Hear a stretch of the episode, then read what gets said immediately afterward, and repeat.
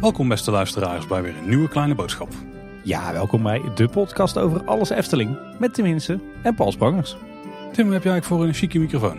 Ik heb een eh, blauwe microfoon. Of Bedoel je dat niet? Ja, dat is een Shure SM58 volgens mij. Oh ja, ik dacht het al. En jij? Hetzelfde Ik, natuurlijk. ik heb dezelfde. Ik heb hier nog een mooi opnameapparaatje liggen van Zoom. Een F6 volgens mij. Eh, We hebben het trouwens over Tim. Het is helemaal niet zo interessant voor de luisteraars. Kijk je achter de schermen bij Kleine Boodschap. Dan moet je aflevering 199 maar voor luisteren. Ja, dan vraagt Mark Dekkers ons het hemd van het lijf, hè? Maar vandaag is wel de tijd voor een ander kijkje achter de schermen. Namelijk bij de Efteling. Dat doen we eigenlijk toch al eh, bijna 350 afleveringen lang. Ja, maar je moet je nu anders voorstellen. Kijk, als je door het park loopt, dan loop je over alle paden die mooi ontworpen zijn met mooi groen langs en zo. Maar af en toe dan zie je een poort of een paadje weglopen waar dan een bordje bij staat, niet betreden. En alles wat achter die poortjes en achter die heggetjes plaatsvindt, daar gaan we het vandaag over hebben. Eigenlijk de Efteling backstage dus. Ja, alle fysieke plekken achter de schermen bij de Efteling, die gaan we langslopen. Want dat is eigenlijk ook wel weer machtig interessant hè. Ja, er is een hele wereld in de Efteling. Die, je eigenlijk, eh, die de meeste bezoekers tenminste niet kennen. Want ja, dat moeten we er wel even bij zeggen. We gaan vandaag niet allerlei geheimen onthullen die je alleen kan weten als je bij de Efteling werkt. Integendeel, we kijken alleen naar het stukje Efteling achter de schermen. Wat je als gewone bezoeker ook kunt zien. Maar dan moet je wel heel goed opletten. Ja, en als je rondje park dan eh, krijg je er ook vrij veel van mee. Absoluut. Eh, wel, wel even een andere disclaimer trouwens. Ehm, we gaan het dus vandaag uitgebreid hebben over al die verborgen plekken in de Efteling. Maar dit is absoluut geen uitnodiging om ook eh, daadwerkelijk zelf die plekken te gaan bezoeken. Hè. Dat is puur en alleen voor personeel. Dus daar heb je in principe als luisteraar van Kleine Boodschap helemaal niks te zoeken. Tenzij je natuurlijk eh, luisteraar van Kleine Boodschap bent en bij de Efteling werkt. Maar ben je gewoon een normale bezoeker, blijf dan vooral eh, onstage. Hè. Dus ga niet, eh, ga niet backstage, want dat is absoluut niet de bedoeling. En dat willen we ook zeker niet, niet stimuleren met deze aflevering. Maar we willen wel ja, eigenlijk een inkijkje geven in al die verborgen dienstgebiedjes in en rond de Efteling. En het grote voordeel is dan dat je deze aflevering hebt geluisterd, hoef je er ook niet meer te gaan kijken. Want dan weet je er alles al over. Precies.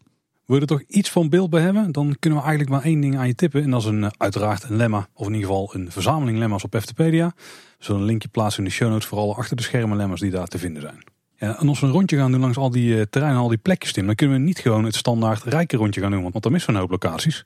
Dus ja, waar gaan we dan beginnen?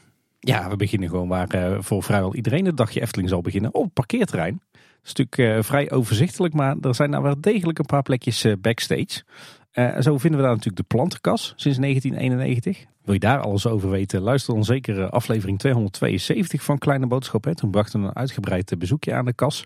Maar even voor het overzicht. De kas vind je aan je rechterhand als je ja, het, het parkeerterrein oprijdt via de gewone inrit. En je rijdt richting eh, P2. Ja, je passeert eerst het busparkeerterrein aan de rechterkant. En daarachter ligt dan weer de bushalte.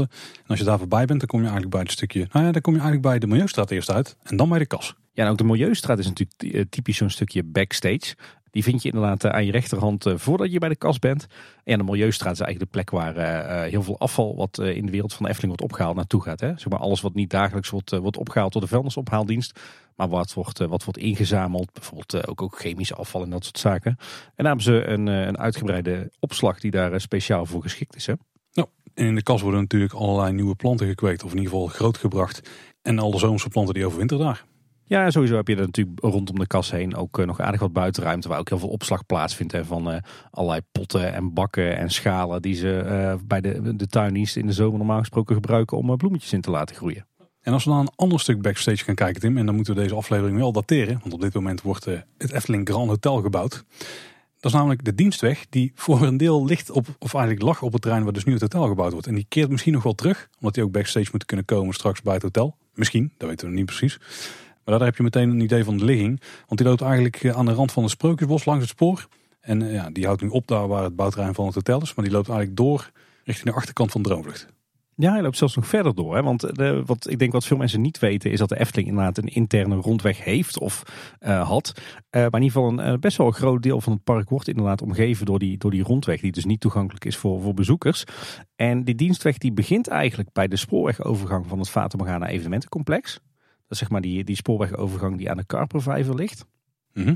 Daar kan je zeg maar het, eh, het park uit en dan kom je in backstage gebied.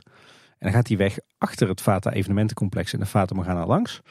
Achter Aquanura, achter het theater. En dan kom je natuurlijk uit op het eh, logistiek evenementenmagazijnterrein. Daar eh, gaan we het zo meteen nog wel even over hebben. Daar wordt dan die weg onderbroken. Daar zit je dan ook al backstage. En dan gaat die weg vervolgens verder. Of ging die verder bij de voormalige spoorwegovergang van het, uh, het uh, Dwarrelplein. als je daar, uh, als je voorheen op het Dwarrelplein stond en je liep het park in. Dan kon je zeg maar schuin links richting het Sprookjesbos. Maar als je daar een scherpe bocht naar links zou maken. Dan kom je daar weer op de dienstweg terecht. Die liep dan inderdaad tussen het Sprookjesbos en het parkeerterrein in. Achter Droomvlucht langs. Maar vervolgens liep hij ook nog eens om Ravelijn heen tussen het volk van Laaf en de Europalaan door. Zeg maar achter de Laafmuur. En dan kwam je uiteindelijk uit achter het Gildenhuis. En zo kon je als het ware met, eh, met de auto of met de accukar volledig ongezien vanaf Fata Morgana naar het dienstencentrum komen. Dus eigenlijk het enige stuk park wat voorheen geen interne dienstweg had, is zeg maar vanaf Carnaval Festival tot aan de Fata Morgana. Dan komen we wel eens bij Ravelijn, Tim. En volgens mij loopt daar niet een breed pad of zo voor waar eh, dan een vrachtwagen of een, een accukar overheen zou kunnen. Hoe ga je daar dan omheen? Nee, daar heb je inderdaad gelijk in. Kijk, voorheen was het zo dat je echt vanaf de spoorwegovergang bij het Dwarrelplein echt een asfaltpad had. Helemaal tussen het Sprookjesbos en het parkeerterrein door. En dan kwam je zeg maar terecht op het, eh, het terrein van de voormalige ingang West. En dan, dan uh, reed je daar het hoekje om en dan kon je zo mooi achter het Lavelaar richting het dienstencentrum. Maar nu staat natuurlijk als het ware Ravelijn in de weg. Het kantoorpand met daar de, zeg maar de tuin van. Maar ook bijvoorbeeld de oefenfaciliteiten van, uh, van Ravelijn van de show, zeg maar. Dus het, het dienstpad houdt ergens op bij de remise van de stoomtrein. En daar zal je dan het parkeerterrein op moeten. En vervolgens zit er weer een, een, een poortje, zeg maar, bij de, de, de uitrit van het hoofdparkeerterrein, een schuifpoort. En daar kan je dan weer het, uh, de dienstweg op en die loopt dan parallel aan de Europalaan. Dus ook daar is de, het dienstpad uh, tegenwoordig onderbroken. Dus ik vermoed eerlijk gezegd, zeker nu natuurlijk wordt gebouwd aan, aan Efteling Grand Hotel, dat er, dat er eigenlijk twee stukjes van die originele dienstweg over zijn. Namelijk het stuk achter de Fata langs tot op het logistiek evenementenmagazijn. En het stuk zeg maar vanaf de uitrit van het hoofdparkeerterrein tot aan het dienstencentrum. En er zijn ook nog twee officieuze dienstwegen. En er zijn namelijk eh, gewoon openbare wegen. Eh, de Eftelingse straat aan de zijkant van het park. Dus hier ook regelmatig accukarren rijden die dan mogelijk naar het dienstencentrum gaan. En de verlegde horst inmiddels. Vroeger natuurlijk de, de reguliere horst die er al lag. Want ja, dat is ook gewoon een, een niet zo'n drukke openbare weg. Wat voor de Efteling ook een superhandige route is om te rijden. Ja, en vergeet ook de Kinkerpolder en eh, de Europalaan niet. Hè? Met die vier wegen en paden die lopen eigenlijk om de Efteling heen. En ik moet ook zeggen, tegenwoordig is natuurlijk ook het, eh, de noodzaak van zo'n dienstweg veel minder. Omdat de accukarren van de Efteling inmiddels geschikt zijn om ook op de openbare weg te rijden. Dus het is niet meer zo dat ze zich alleen via het park uh, moeten verplaatsen. Ik heb wel het idee dat ze de Europalaan wel veel ontzien. Nou, ik zie toch geregeld tegenwoordig gewoon van die Efteling accukarretjes ook over de Europalaan karren. Accukar ook, ja? Ja, zeker. Zelfs het rijdende cadeautje. Oh, oké. Ik denk dat we de dienstweg straks nog wel uh, meer gaan tegenkomen. Want een aantal van de plekken die je net noemt, die staan natuurlijk uh, in andere delen van het park die we nog moeten aandoen. Maar we gaan nog steeds niet het park in, Tim. Want als we namelijk uh, de entree doorgaan, dus het Huis van de Vijf Zintuigen. Dan gaan we om het park te gaan, gaan we linksaf. Om naar het theater te gaan, gaan we rechtdoor. Maar er ligt ook een heel gebied ten westen van het entreegebied en van Anrijk. Ja, klopt inderdaad. En dan komen we meteen terecht bij uh, een van de allergrootste dienstterreinen van de Efteling. Het LEM, een afkorting die je denk ik heel vaak voorbij hoort komen in Kleine Boodschap als je oplet. Het LEM of het LEM-terrein, dat staat voor Logistiek Evenementenmagazijn. Dat is een van de bestemmingen geweest van het terrein. Logistiek evenementenmagazijn, dan moet je eraan denken dat daar een tijdje uh, een opslag heeft gezeten waar alle staattafels en uh, barkrukken en, uh, en mobiele bars en mobiele verkooppunten werden opgeslagen. Volgens mij ligt hij er trouwens nog steeds. Maar dat is een enorm terrein met ook een enorm interessante geschiedenis. Maar voordat we die geschiedenis gaan behandelen, misschien wel goed om even te duiden waar het lemterrein ligt. Dat is eigenlijk de driehoek die is ingeklemd tussen het theater en het theaterplein de fietsenstalling en de Kinkerpolder. Ja, voor de mensen die echt in de kleine boodschapmaterie zitten, dus de plek waar de Kinkerpolder zit, dat is ook de plek waar het Bosje dan achter ligt weer. Ja, precies. Die ligt aan de andere kant van de Kinkerpolder inderdaad. En je zou kunnen stellen dat de fietsenstalling eigenlijk ook op het lemterrein ligt. Want die, de, de, de, hele terrein ligt wat verhoogd. En op diezelfde hoogte ligt ook de fietsenstalling. Vandaar dat je daar zo'n helling naartoe hebt. En vandaar dat je ook een grote grondwal hebt tussen het parkeerterrein en die fietsenstalling. Uh, maar wat is nou die geschiedenis van het lemterrein? Dat is jarenlang uh, een van de grootste uh, afvalstortplaatsen geweest uh, hier in Kaatsheuvel en omstreken.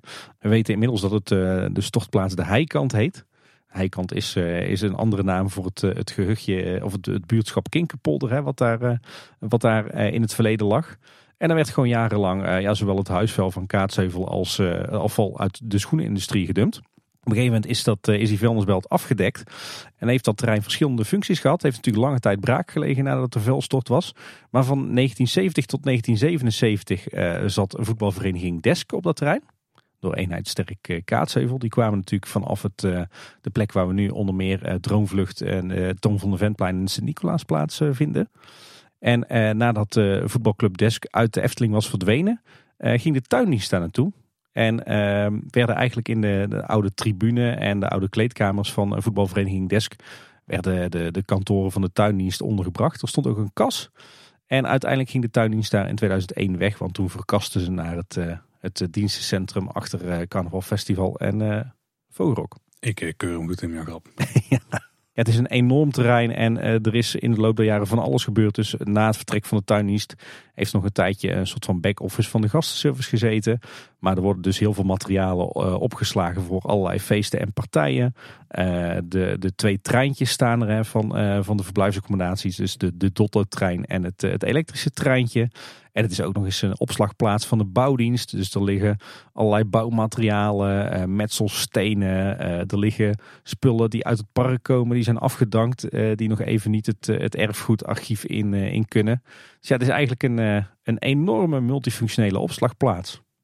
Ja, wat nou heel tof is, als je over de Kinkpolder loopt, dan heb je één gebouw dat staat parallel aan de Kinkpolder. En dat is dus nog een van die oude gebouwen van Desk. Dus die staan er nog steeds uit de jaren 70. Ja, dat zijn de kleedkamers. En uh, daar heeft dus ook de tuindienst en de gastservice ingezeten. En volgens mij staat het inmiddels leeg. Of wordt het nog door eh, logistiek evenementen gebruikt? Voor opslag volgens mij. En er staat ook van alles tegenaan. En er zijn overkappingen aangebouwd en weet ik veel wat. het is echt het is best wel een zooitje als je daar uh, langskomt. Ik wou het niet zeggen, maar ik dacht het wel. Nee, het is inderdaad een, een enorm terrein. En ik vind het altijd erg leuk als ik weer eens een rondje Efteling fiets of loop. Dan is het altijd weer een verrassing wat er allemaal te vinden is op het terrein. Want ja, je moet je voorstellen, alles wat in de Efteling staat en, en wat even ergens anders naartoe moet, dat wordt daar opgeslagen. Je ziet er wel eens Fata Morgana boten. Uh, de afgedankte toren van de Indische waterlelies heeft er jarenlang gestaan.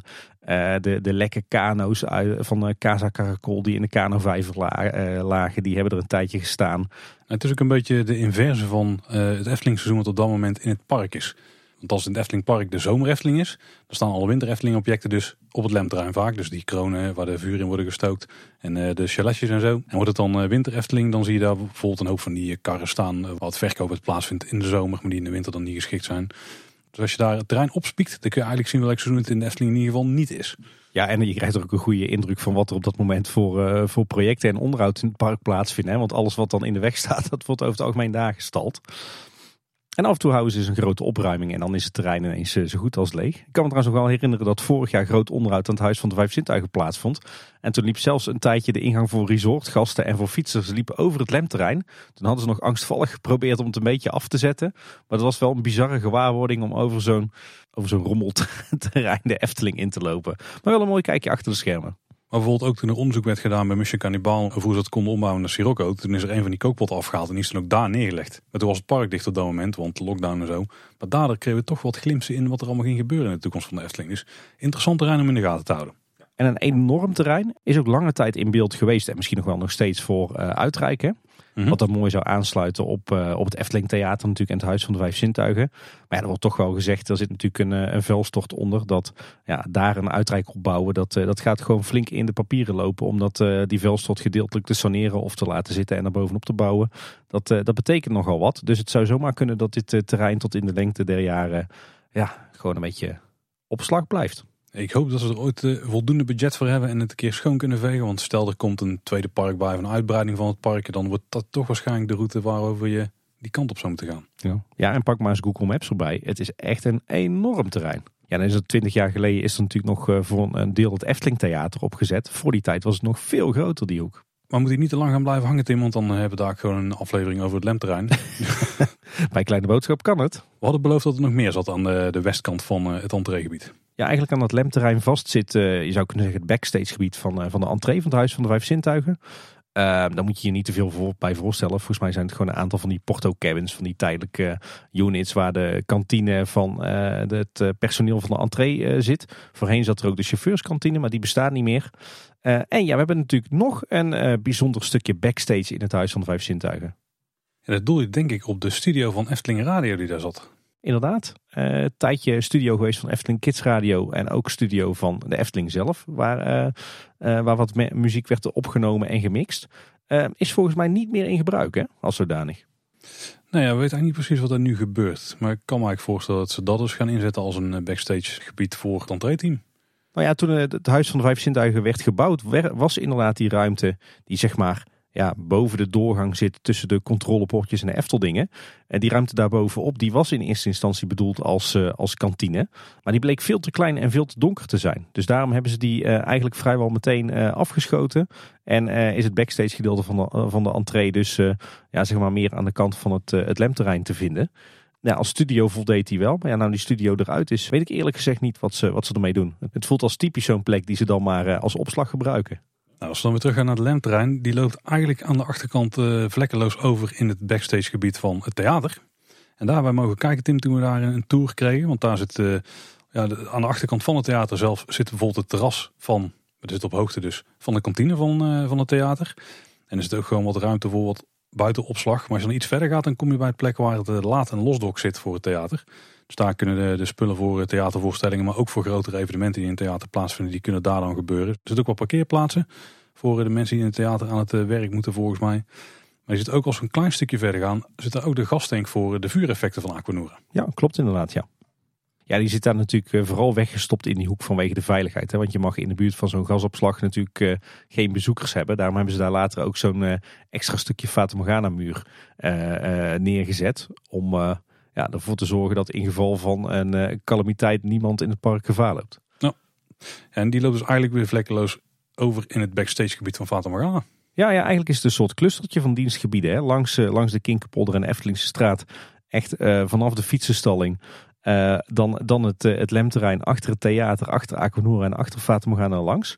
En met name aan de achterkant van de Fata, dus tussen de Fata Morgana en de Eftelingse straat. Daar heb je nog best wel een fors dienstterrein. Ja. vooral in de lengte. Daar loopt dus inderdaad die dienstweg over waar we het net al over hadden. maar dan heb je behoorlijk wat, wat plek nog. En die werd in het eh, verleden en eigenlijk ook nog steeds geregeld gebruikt voor allerlei opslag. Als de Fata leeg stond, dan werden daar alle Fata Morgana boten neergezet. Maar ook bijvoorbeeld de Piranha bootjes in de winter. En eh, ik heb er zelfs ook al uh, verschillende keren de, alle gondoletta bootjes gezien.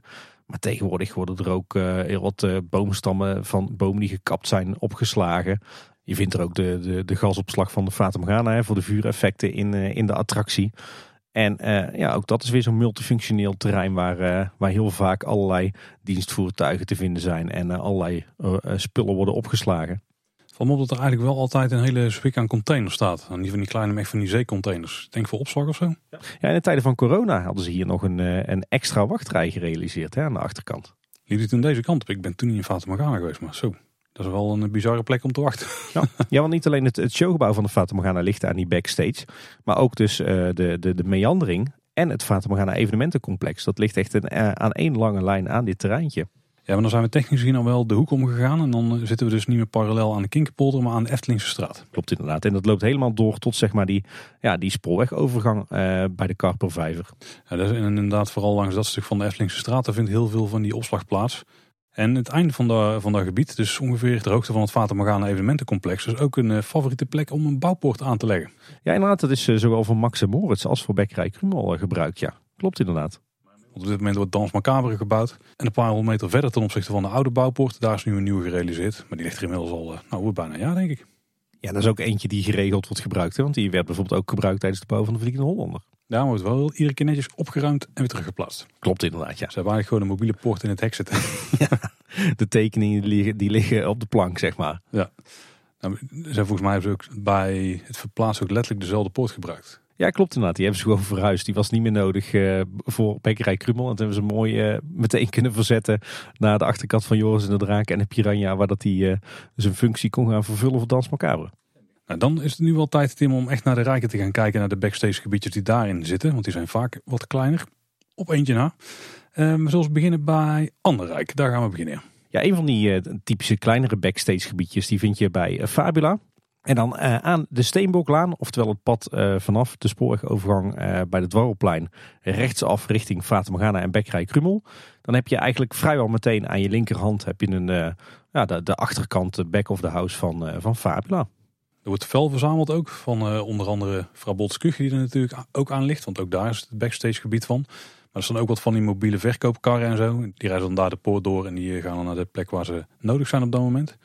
En er zit volgens mij ook nog een pauzeruimte voor het eh, personeel daar. Ja, je zei vrouw Bolters maar is het niet zo dat die een, een aparte back of the house hebben, net iets verderop? Ik ben er nog nooit geweest, Tim. Dus misschien dat jij maar dat kan vertellen. ja, ik weet het ook niet zo. Ik weet het ook niet, nee. Ik weet niet of die twee met elkaar verbonden zijn. Ik weet alleen dat de oude Steenbok en tegenwoordig vrouw Bolters dat die ook aan de Steenboklaan ook zo'n zo'n terreintje hadden. Waar inderdaad met name heel veel van die verkoopkarren gestald stonden. Ik zou het niet zeker weten, maar ik gok dat ze aan elkaar vastzitten. Want ze liggen ongeveer in hetzelfde driehoekje.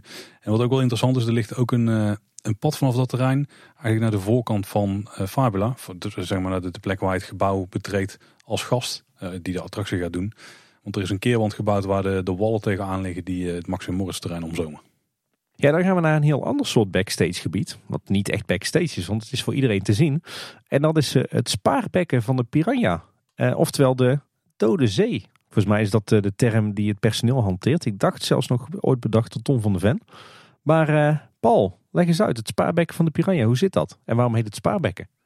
Ja, dat is de plek waar het water in de avond instroomt als de attractie uitstaat. Of eigenlijk op ieder moment dat die uitstaat. Ook in de winter natuurlijk, al pompen ze hem dan vaak bijna helemaal leeg.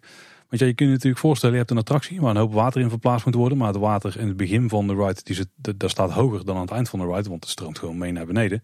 En als je zou stoppen met rondpompen, dan moet er water natuurlijk wel ergens naartoe kunnen.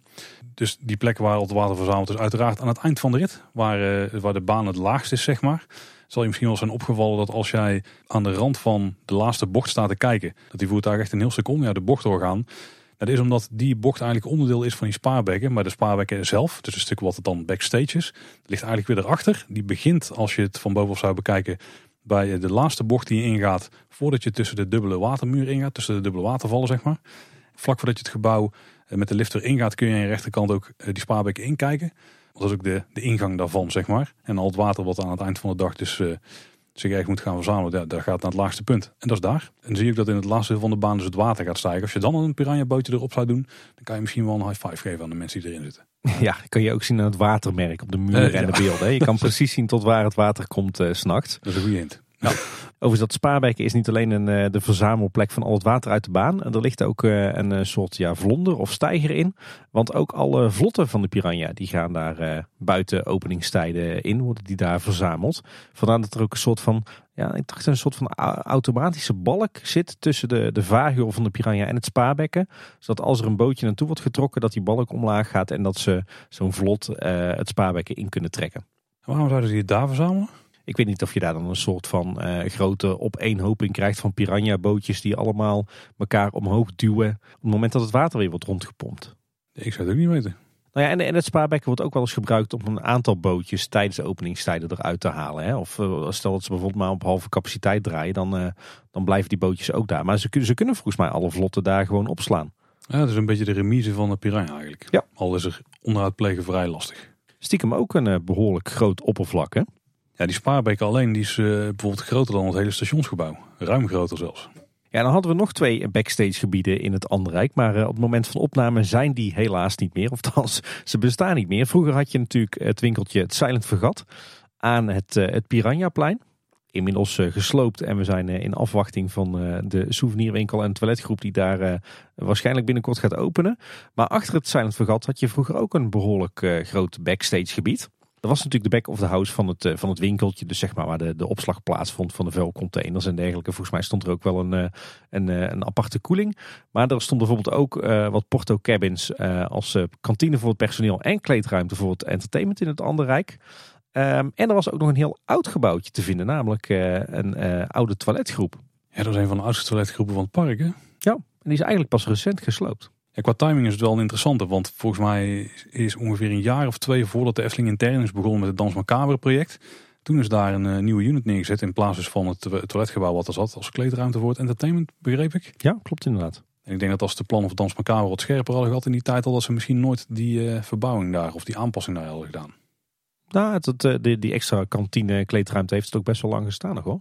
Ja, die heeft er zeker wel lang staan. Vier of vijf jaar. Maar dus dat is ongeveer met de voorbereidingstijd van Dans van Kaper de tijdlijnen. Wil je trouwens alles weten over die toiletgroep uit het verleden die daar nog verstopt stond op dat backstage gebiedje, dan uh, luister je natuurlijk eh, aflevering 194 van een Kleine Boodschap. Want die gaat over... De toilet in de Efteling. Precies. We hadden twee verdwenen gebiedjes beloofd, Tim. Maar als ik dan even rondom het spookslot denk, dat was voor een groot deel begaanbaar terrein. Waar moeten we dan zoeken? Nee, je moet vooral in het spookslot zoeken. Ah, in het spookslot. Ah, de kelders van het spookslot. Precies.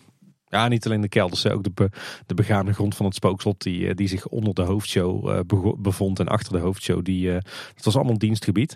Nou ja, naar verluid, ik heb er zelf nooit rondgelopen, maar naar verluid had het spookslot ook enorm veel overbodige ruimte die werd ingezet als, ja, als backstage gebied. Waar bijvoorbeeld heel veel werd opgeslagen. En er werden heel veel mallen van decoratievormgeving opgeslagen. De technische dienst heeft er nog een hele lange tijd verschillende ruimtes in gehad waarin werd gewerkt. Ik geloof dat uh, Ton Merks, die we natuurlijk een tijd terug voor Kleine Boodschap hebben, hebben geïnterviewd, die had daar zelfs nog zijn, zijn werkplek.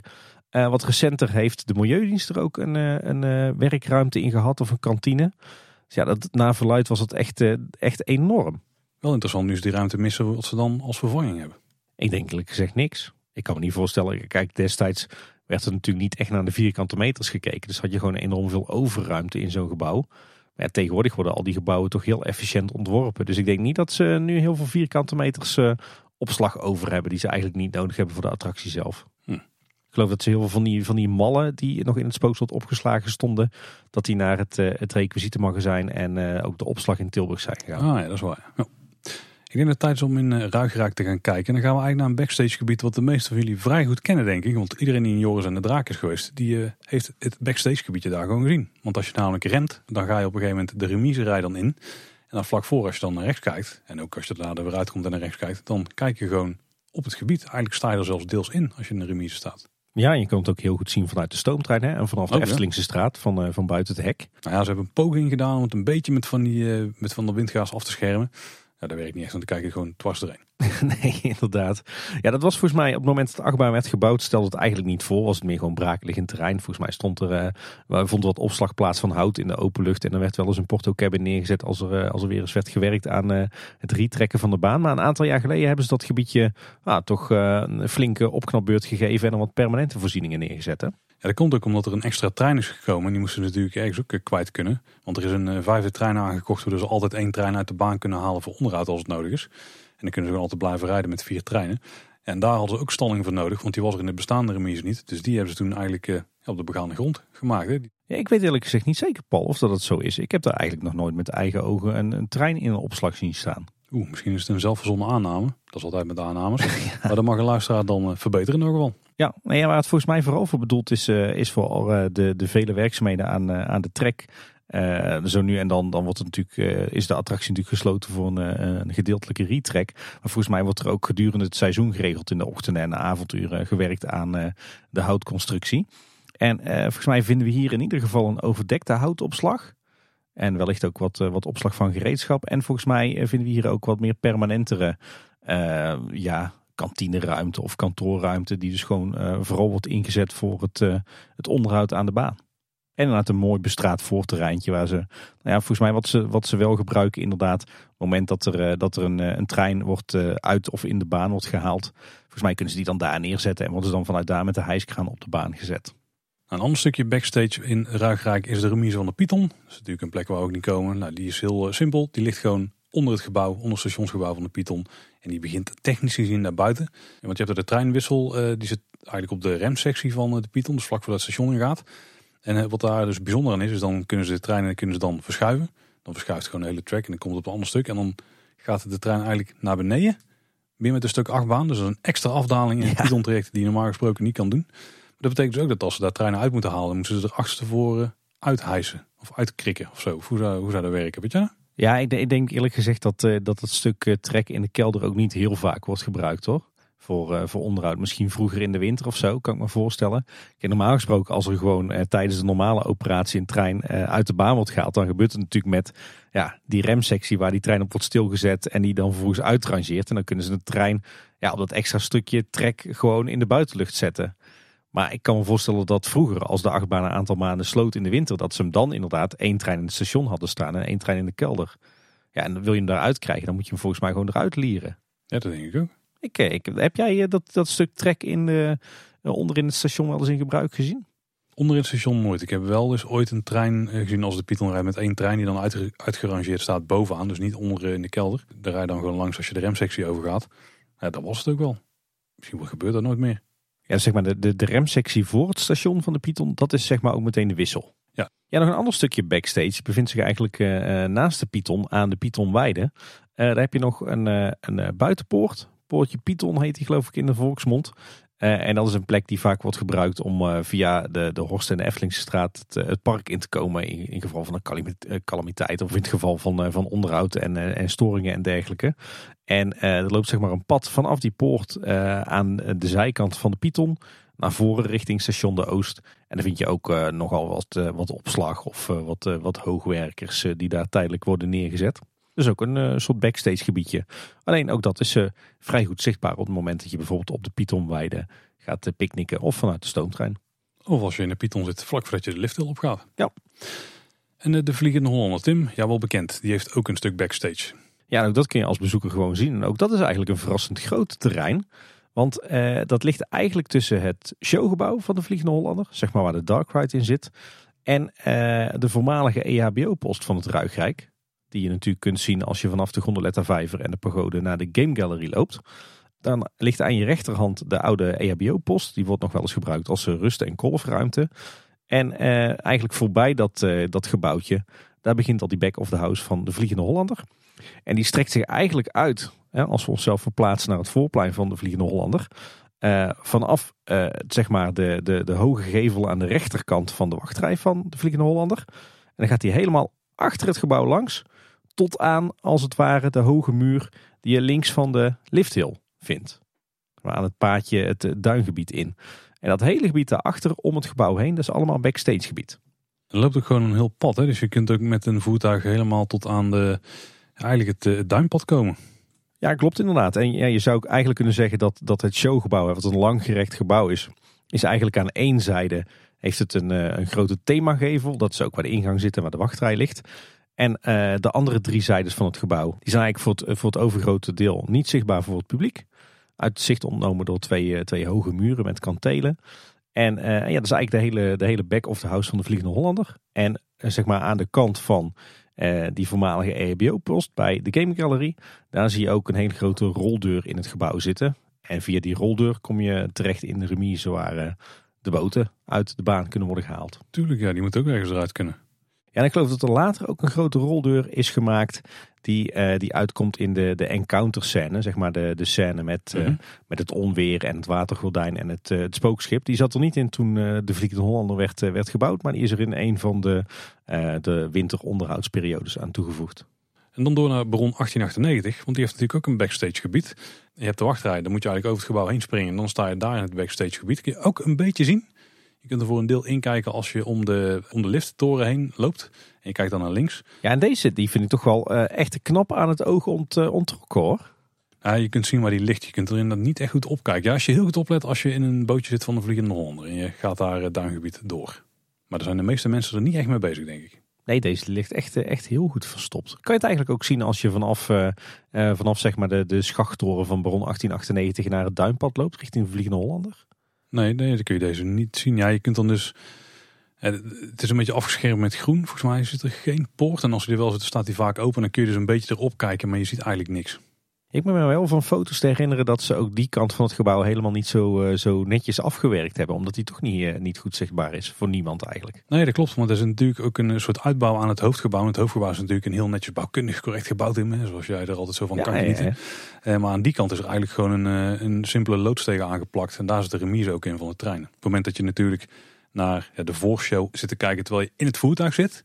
Dat is, de, dat is de plek waar de treinen kunnen uitrangeren. En die schuiven dan gewoon dat gebouw in. Het is nog vrij groot. Er kunnen volgens mij de treinen achter elkaar staan. En daar baseer ik volledig op gewoon hoe ik het gebouw van boven zie. Ik denk niet dat ze daar naast elkaar staan. Ik heb eigenlijk geen idee. Google Maps is onze vriend deze aflevering. Ja, we zitten flink mee te speuren. Dus ze doen het ook zeker zelf. Het uh, lijkt ook wel een kantineruimte zijn voor het personeel. Want ik zie ook een parasoltje staan. Die zie je dan weer net als je staat te wachten in de remblokken. Links van je voordat je het gebouw inrijdt. Ja, want eigenlijk ligt, hè, als je, als je zeg maar in het, het treintje van Baron 1898 zit, dus dat jou, hè, en je kijkt zeg maar richting de liftschacht, dan is eigenlijk alles aan jouw linkerhand uh, vanaf het stationsgebouw plus de pre-show van de achtbaan, dat is allemaal remise dan. Ja, ja dat klopt. Cool. Ben trouwens wel benieuwd of het onze luisteraars lukt om te raden waar de wissel uh, en de onderhoudsruimte van de Vliegende Hollander ligt. Poeh. Nou, daar moeten ze maar eens over gaan puzzelen, denk ik. Ook een goed bewaard geheim.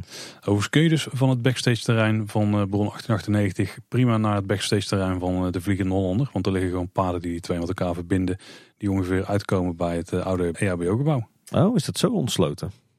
Ook weer zo'n verborgen stukje Efteling dus. Ja. Gewoon midden in het park. Het is eigenlijk een heel backstage gebied. Maar door het duingebied en al het groen wat daaromheen staat kun je die niet echt als één zien. Goed verstopt wederom. Ja. Een iets beter zichtbaar uh, terreintje is uh, de backstage van de Halve Maan. Die zie je eigenlijk vrij goed vanuit verschillende plekken. Namelijk op het moment dat je in de wachtrij staat van de Halve Maan en je loopt zeg maar het, ja, het gebouw binnen. Hè, met dat laatste stukje wachtrij. Mhm. Dan bevindt het zich aan je linkerhand. Er zijn een aantal raampjes waardoor je het treintje kan zien. Maar ook als je vanaf de Meermin naar de ingang van de halve maan loopt, dan, eh, dan heb je aan je linkerhand gewoon een vrijzicht op het, uh, ja, het backstage terrein van de halve maan. En dat is eigenlijk gewoon een betegeld oppervlak met volgens mij een aantal stallingen voor accukarren, met een aantal stallingen voor uh, containers. En volgens mij ook een, een simpele kantineruimte. En daaraan vastgeknoopt zit de garage van de oude Tufferbaan. die natuurlijk ook te zien is vanuit de rit. Op het moment dat je het stationsgebouw van de oude Tufferbaan uitrijdt, uh, en je hebt op een gegeven moment die bocht naar rechts, die eerste bocht naar rechts. Dan heb je aan je linkerhand de garage. En volgens mij is die dus bereikbaar ook via de backstage van uh, de Halve Maan. Uh, en aan de garage van de oude Tufferbaan zit volgens mij ook weer een kantinetje vast voor het personeel. Ja, het wordt nog mooi, want het is vrij ingenieus. Als je nou het station van de oude Tuffer uitrijdt, dan heb je daar ook weer het uitrangeerspoor. Dus dan kun je zo voertuigen de garage inbrengen. Dan kunnen er meerdere in de garage staan. Maar vanuit de garage loopt er rechtdoor een, een spoor door. En die komt dan weer bij het trek van de oude Tufferbaan eigenlijk nadat je de eerste uh, lange bocht bent doorgegaan. Dus de eerste bocht naar rechts. En dan krijg je een rechtstuk. Dan zie je aan de linkerkant een muurtje. En daarachter zit dus dat spoor. Uh, waar de uitgerangeerde voertuigen zeg maar, staan. En die moeten dan dus allemaal door de garage heen om daar te komen. Voordat je de volgende bocht maakt, daar komen die twee delen dan weer samen. Tenminste, daar kunnen ze weer aansluiten om die voertuigen weer het reguliere traject op te krijgen. En het pad wat dus achter de halve maan doorloopt, waarmee je ook naar die garage kunt, die loopt ook helemaal door naar de vlierenfluiter.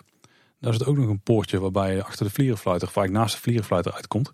Dus zo is eigenlijk heel het stukje met elkaar verbonden. Wat misschien ook wel logisch maakt dat die attractie meer bij Ruigrijk wordt gerekend. Ja, een hele mooie shortcut voor het personeel. Want het is een stuk minder ver lopen dan dat je helemaal via het, het Ruigrijkplein en de Game Gallery de Meermin en uh, dan zo naar het kinderspoor moet. Dat is echt een tak aan het lopen, ja. dan hebben we weer een rijk gehad, Tim. En dan gaan we weer naar een, ja, niet echt een rijk toe, maar wel een, uh, een punt in het park. Misschien is het voor een groot deel. Nou, het valt voor een deel onder. Ja, mag je onderbreken, Paul? Nou, begin er maar eens mee. Dit is uh, het verborgen pareltje onder de dienstterreinen toch wel? ja, deze hebben we wel vrij goed aangelegd zien worden. Ja, ja, ja. Nou ja, dit is denk ik een van de laatste uh, resterende stukjes Efteling uit de jaren 50 die nog in redelijk originele staat is. Oh, wacht, ja, je, kijkt naar het hele gebied. Ja, ja, ja, ja, ik pak het hele gebied even. Want in het hart van de Efteling eigenlijk ten, moet ik het goed zeggen, ten noorden van het Harthof. Nou nee, ik ga het anders zeggen. er is dus in het hart van de Efteling een uh, verborgen gebied wat verschillende rijken met elkaar verbindt, maar wat sinds 2006 niet meer toegankelijk is voor bezoekers. Tot die tijd dus wel. Kan je nagaan hoe lang dat, dat, uh, dat gebiedje nog bereikbaar was. En het is een heel bosachtig gebied. En waar bevindt zich dat nou? Dat bevindt zich eigenlijk tussen de pagode, Symbolica, Hartenhof, het diorama en de speelweide. Het is best wel lastig te beschrijven terrein, omdat het een beetje een kruisvorm heeft. Want de noordelijke poot loopt dus langs het Carouselpaleis. Ook omdat daar een, eh, de kantine zit bijvoorbeeld. Dadelijk daar vast meer over. Je hebt ook de oostelijke poot. Die loopt dan meer richting Toko Pagode. En je hebt dan de zuidelijke poot. Die loopt richting Symbolica.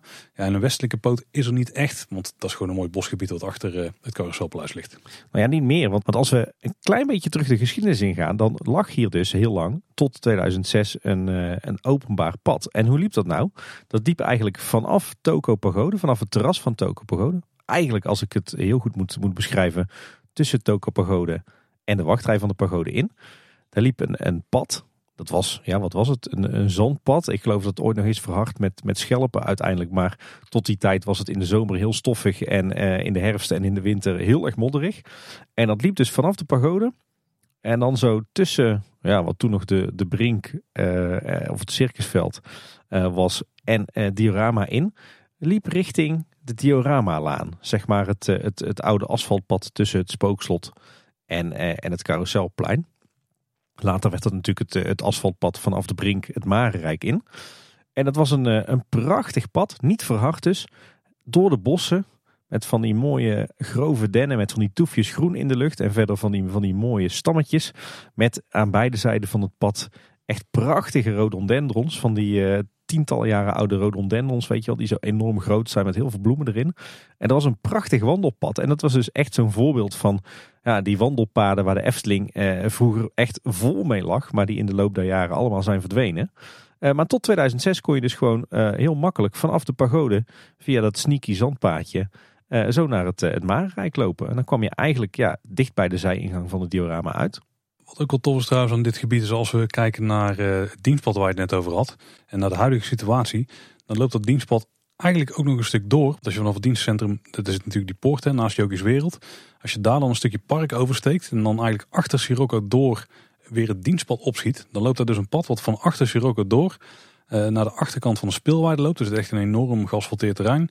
Dan steek je het spoor over, dan ga je dat stukje bos in wat je net beschreef doen. Dan kom je dus bij de technische gedeelte van de pagode.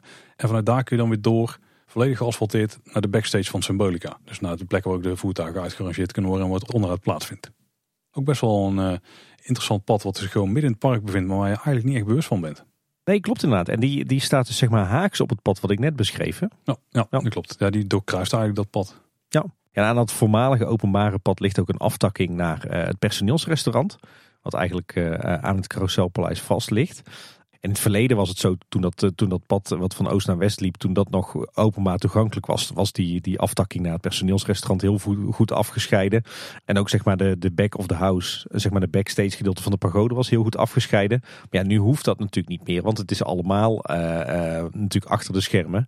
Ja, want je al zei, hier komt heel veel samen. Hier komt zeg maar de, de backstage van de speelweide samen.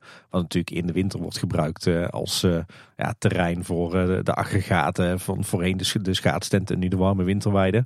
Um, je kunt hier vanaf hier inderdaad bij de, de, de, backstage van de pagode komen. Je kunt bij het personeelsrestaurant komen. De backstage van Symbolica. Niet bij de backstage van Polles Keuken. Die ligt dan weer net aan de, aan de andere kant van het pad van het Harthof, het Maarrijk in. Maar er liggen hier uh, ontzettend veel backstage gebiedjes allemaal aan. Die, uh, ja, die verborgen paden die, die nog door een heel mooi bosgebied lopen. Eigenlijk eeuwig zonder dat je hier als bezoeker niet meer kunt komen. Ja, ik denk dat het heel handig is voor de Efteling om juist wel zo'n backstage geasfalteerd pad te hebben. Zo'n zo'n gebied waar je gewoon eigenlijk overal kunt komen zonder dat je door het park hoeft met de dingen die je, waarvan je liever niet hebt dat mensen zien. Dus wat dat betreft is het wel een verbetering. Maar het was wel een mooi bosgebied altijd, ja. Nou, ze hebben een klein stukje van het gevoel wel terug weten te brengen in het begin van de wachtrij van Symbolica. Of eigenlijk het tweede deel van de wachtrij. Als je er doorheen mag, want hij is niet altijd open.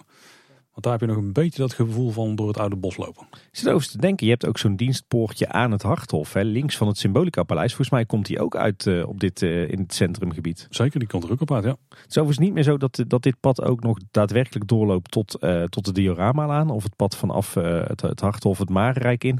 Dat stopt volgens mij wel echt bij de backstage van Symbolica en het personeelsrestaurant.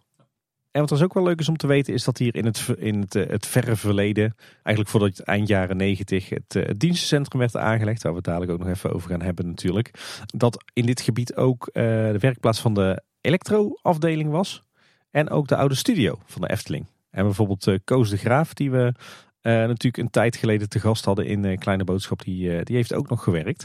Uh, in deze werkplaats van, uh, van Electro, die dus in het, het hart van het park lag. En na verluid waren dat, dat alleen wat van die, van die tijdelijke units. Nou, zoals je net al zei, in het personeelsrestaurant, dat ligt aan het pad daar. Dus aan het carouselpleis vast. Maar daar vind ik ook de opleidingslokaal voor het Efteling personeel. Hè? Ja, dat is eigenlijk een, een, ook weer een fors gebouw, wat we natuurlijk als bezoekers niet kennen. Je kan het wel als je, als je goed oplet, met name als je in de stoomtrein zit. Nou ja, hoef je eigenlijk helemaal niet zo goed op te letten, want dan zie je het gewoon. Als je in de stoomtrein ziet, uh, zit, dan zie je het liggen. Het, uh, het is een behoorlijk groot gebouw, zeg maar achter de voormalige waterorgelfoyer ligt. En wat ook weer vast zit aan het, uh, de dioramahal. En aan op de begane grond is dat een groot personeelsrestaurant. En op de eerste verdieping zijn dat opleidingslokalen. gebouw stamt trouwens uit 1997. Daarvoor was volgens mij geen personeelsrestaurant of bestond dat ook uit allerhande porto cabins. Uh, naar ontwerp van architect Frits Dansen, die trouwens wel meer uh, dienstgebouwen en dienstgebieden in de Efteling uh, heeft ontworpen. Volgens mij ook het, het oude hoofdkantoor en, en dergelijke. En dit personeelsrestaurant is dus vanuit de twee richtingen bereikbaar. Hè? Zowel vanaf dat, dat dienstpad dus wat, wat van Toko Pagode naar Symbolica loopt, dwars door het hart van het park. Als ook via het paadje links van de Waterorgelfoyer.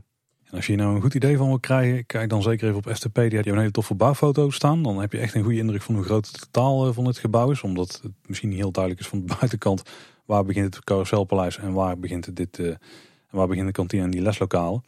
Dan krijg je ook een klein kijkje in de kantine. Ja, dit gebouw is trouwens helemaal go-away green uh, geschilderd. Hè? ja, het is een heel goed voorbeeld daarvan. Ja. Vroeger zat het trouwens mooi op de dakrand zo'n uh, een soort toefje groen. Van, uh, van, er waren was een soort houten beplating in de vorm van bladeren op de dakrand gezet. Waardoor het dan weg moest vallen. maar dat werkte eerder averechts denk ik. En zoals gezegd zit het gebouw ook echt vast aan het Carouselpaleis. Want je kan op meerdere plekken vanaf het Carouselpaleis het personeelsrestaurant in. En later is er ook zelfs een directe doorgang gemaakt tussen de keuken van het personeelsrestaurant en de, de dioramahal. Omdat ja, in het diorama waar natuurlijk een aantal winters lang uh, was daar een pannenkoekenrestaurant te vinden. En er werd de keuken van het personeelsrestaurant ingezet. Uh, ook als keuken van het pannenkoekenrestaurant. En daarom hebben ze toen die doorbraak gemaakt. Maar grappig toch om te beseffen dat er dus midden in de Efteling, eigenlijk in het hart van het park, dat er zo'n totaal ontoegankelijk gebiedje is. Wat ook heel mooi bosachtig en groen is, met heel veel van die mooie kronkelpaadjes. Wat eigenlijk vroeger openbaar was. Wat ook ja, zo'n typisch schoolvoorbeeld was van dat uh, natuurpark, wandelpark wat de Efteling uh, was in de jaren 50. Waar je nu alleen maar als personeel kunt komen. Ja, zeker. En, en dat je dus verrekte veel shortcuts hebt daar. Want je bent dus in een handomdraai vanaf het voorplein van Pagode op het Carouselplein. Terwijl als je dat via de gewone normale gebaande paden moet doen, dan is het toch een verrekte lang eind lopen. Je moet je medewerkers wel makkelijk maken natuurlijk, Tim. Ja, dan zeggen ze dat uh, Disney het goed geregeld heeft in Orlando met die utilidors. Maar de Efteling heeft eigenlijk gewoon in het bos zijn utilidors liggen. Mm, nou, er is nog misschien wel een beter voorbeeld. Maar daar moeten we straks maar even kort aanhalen. Ja, dan ben ik wel benieuwd. Ik denk dat we nu naar het allerbekendste stukje backstage gaan van de Efteling. Tenminste, voor onze luisteraars. En dat is natuurlijk het dienstencentrum. Denk ook het grootste stukje backstage. Zonder twijfel, ja, zeker. Ja, ja. ja, het dienstencentrum. Eigenlijk uh, ja, een beetje het hele facilitaire gebied van uh, het Efteling Park in de Noordoosthoek. Hè? Deze wel heel vaak aangehaald. Dus misschien tijd voor een samenvatting van wat er allemaal te vinden is. Nou, laten we eerst de locatie even duiden. Oeh, dat is best wel een goed idee, Tim. Het is eigenlijk grofweg gewoon het noordoosten van het park waar we dit kunnen vinden. En misschien is het makkelijkste om te omschrijven waar het ligt, gewoon om te vertellen wat er allemaal aan dit gebied ligt. Ja, waar het door omsloten is eigenlijk. Aan de noordkant is dat de Europalaan. Ja. Aan de oostkant is dat de weg die richting het hotel loopt, richting de parkeerplaats van het hotel. Als je daar naartoe gaat, dan kun je ook aan de rechterkant een enorm grote poort zien met een klein gebouwtje en zo ervoor. En dan zie je natuurlijk ook de hal waarin Vogelrok ligt. Dat is dan de oostkant van dit gebied. Nou, dan wordt het in het park omsloten door Vogelrok, Carnaval Festival, eh, dan een deel van de Dubbele Laan. En dan eigenlijk door... De Smulpaap. Ja, de Smulpaap, ja. En alle gebouwtjes die daar ten noorden van liggen. Dus uh, ook in een oudelijke tweeling. En dan nog uh, ja, dat kleine parkstukje met die, uh, die enkele draaimolen die je moet duwen zelf. Met die paarden erop en die bankjes die er staan. Ja, de, de populaire slaapplek voor de kleine kindjes. Nou, en je kunt er op verschillende manieren dus inkomen. Uh, die, die laatste plek die we net beschrijven, dus de slaapplek voor de kindjes, uh, daar zit een poort waarmee je daar uh, naar binnen kunt. Over een stukje dienstweg, die we natuurlijk aan het begin van deze aflevering al behandelden. Ja, dat is ja, inderdaad. Maar dat is gewoon een stukje waar je het publiek op kunt. Ja. En natuurlijk kun je vanuit de gebouwen die er langs liggen, kun je erop. Maar ik denk dat een andere poort die iedereen wel kent, is degene langs Jokies Wereld. En dan hebben we natuurlijk nog de hoofdingang. En die ligt aan de buitenrand van het park. Eigenlijk tegenover de, de ingang van de parkeerplaats van het hotel. Ja, inderdaad. De ingang van het dienstencentrum aan de Oude Horst. En die is niet te missen, want er staat een uh, enorm bord in de berm met daarop uh, ja. dienstencentrum. En trouwens zag ik laatst een klein stoplichtje.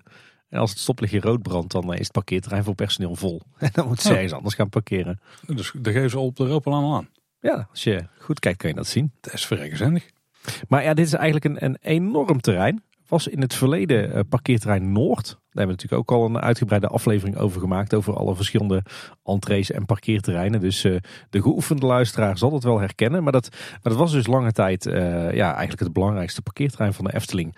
Er wordt nu nog steeds volop geparkeerd door personeel. Maar er liggen ook heel wat andere diensten op dit terrein. Is overigens allemaal niet geheim hoor, is allemaal terug te vinden op, op Eftepedia. Er staat trouwens ook een, een heel handig plattegrondje. Maar wat, wat vind je er onder andere? Nou, sowieso zitten er wat dienstfuncties verborgen in het, het attractiegebouw van de Vogelrok. Daar zit bijvoorbeeld de fietsenstalling van het personeel in. Maar ook de centrale compressor die de, de ringleiding met perslucht in het park voedt. En daar zit natuurlijk ook het requisietenmagazijn waar we recent een kijkje mochten nemen. Een van de mooiste verborgen plekjes van Efteling denk ik Tim. Nou, het gebouw zelf was nou niet heel knap, toch? Nee, nee, maar de inhoud vooral, de inhoud. Als je het toch over mooi hebt en backstage, dan moet ik uh, toch weer terugdenken aan de achtergevel van het café-restaurant. Ah, gaat hij daar oh, over beginnen. Ware liefde. Nou, als je dus het dienstencentrum op zou rijden vanaf die, die hoofdpoort, die hoofdentree, dan heb je daar een paar parkeerplaatsen. Maar daar zit ook de portiersloge. En dat gebouw heeft ook een belangrijke functie voor de BHV en de bedrijfsbeveiliging van de Efteling zelf. Die portiersloge die stamt overigens uit 1997. En het hele Vogelrokgebouw natuurlijk uit 1998, inclusief al die faciliteiten die erin zitten. Ja, en dan gaan we door, Tim, naar eh, een, eh, een gebouw waar wij een hele aflevering over hebben gemaakt. Waar Zeker. Waar je een toertje doorheen hebt mogen maken. Aflevering 250. Dat is natuurlijk het Gildenhuis stamt uit 1997. Voor die tijd zaten alle, alle technische en creatieve diensten van de Efteling eh, overal en nergens. We hadden het net al even over de, de werkplaats van de Electro in het hart van het park. Maar die werden in 97 dus geclusterd in het Gildenhuis. Een uh, indrukwekkend gebouw. Uh, je zou kunnen zeggen van binnen eigenlijk een enorme fabriekshal. Met aan beide zijdes uh, een heel aantal werkplaatsen. We hebben die natuurlijk al uitgebreid beschreven in aflevering 250. Maar het leuke is dat het ligt natuurlijk aan de Europalaan. En is daarmee ook een beetje een uh, visitekaartje voor het park. Maar aan die zijde is dus uh, ja, gethematiseerd als een kasteel eigenlijk. Hè? Ja. En dat gebouw is ook echt gigantisch. Je kunt er denk ik een hele Fata Morgana in kwijt. Ja, letterlijk en figuurlijk. ja, ik bedoel in dit geval wel letterlijk.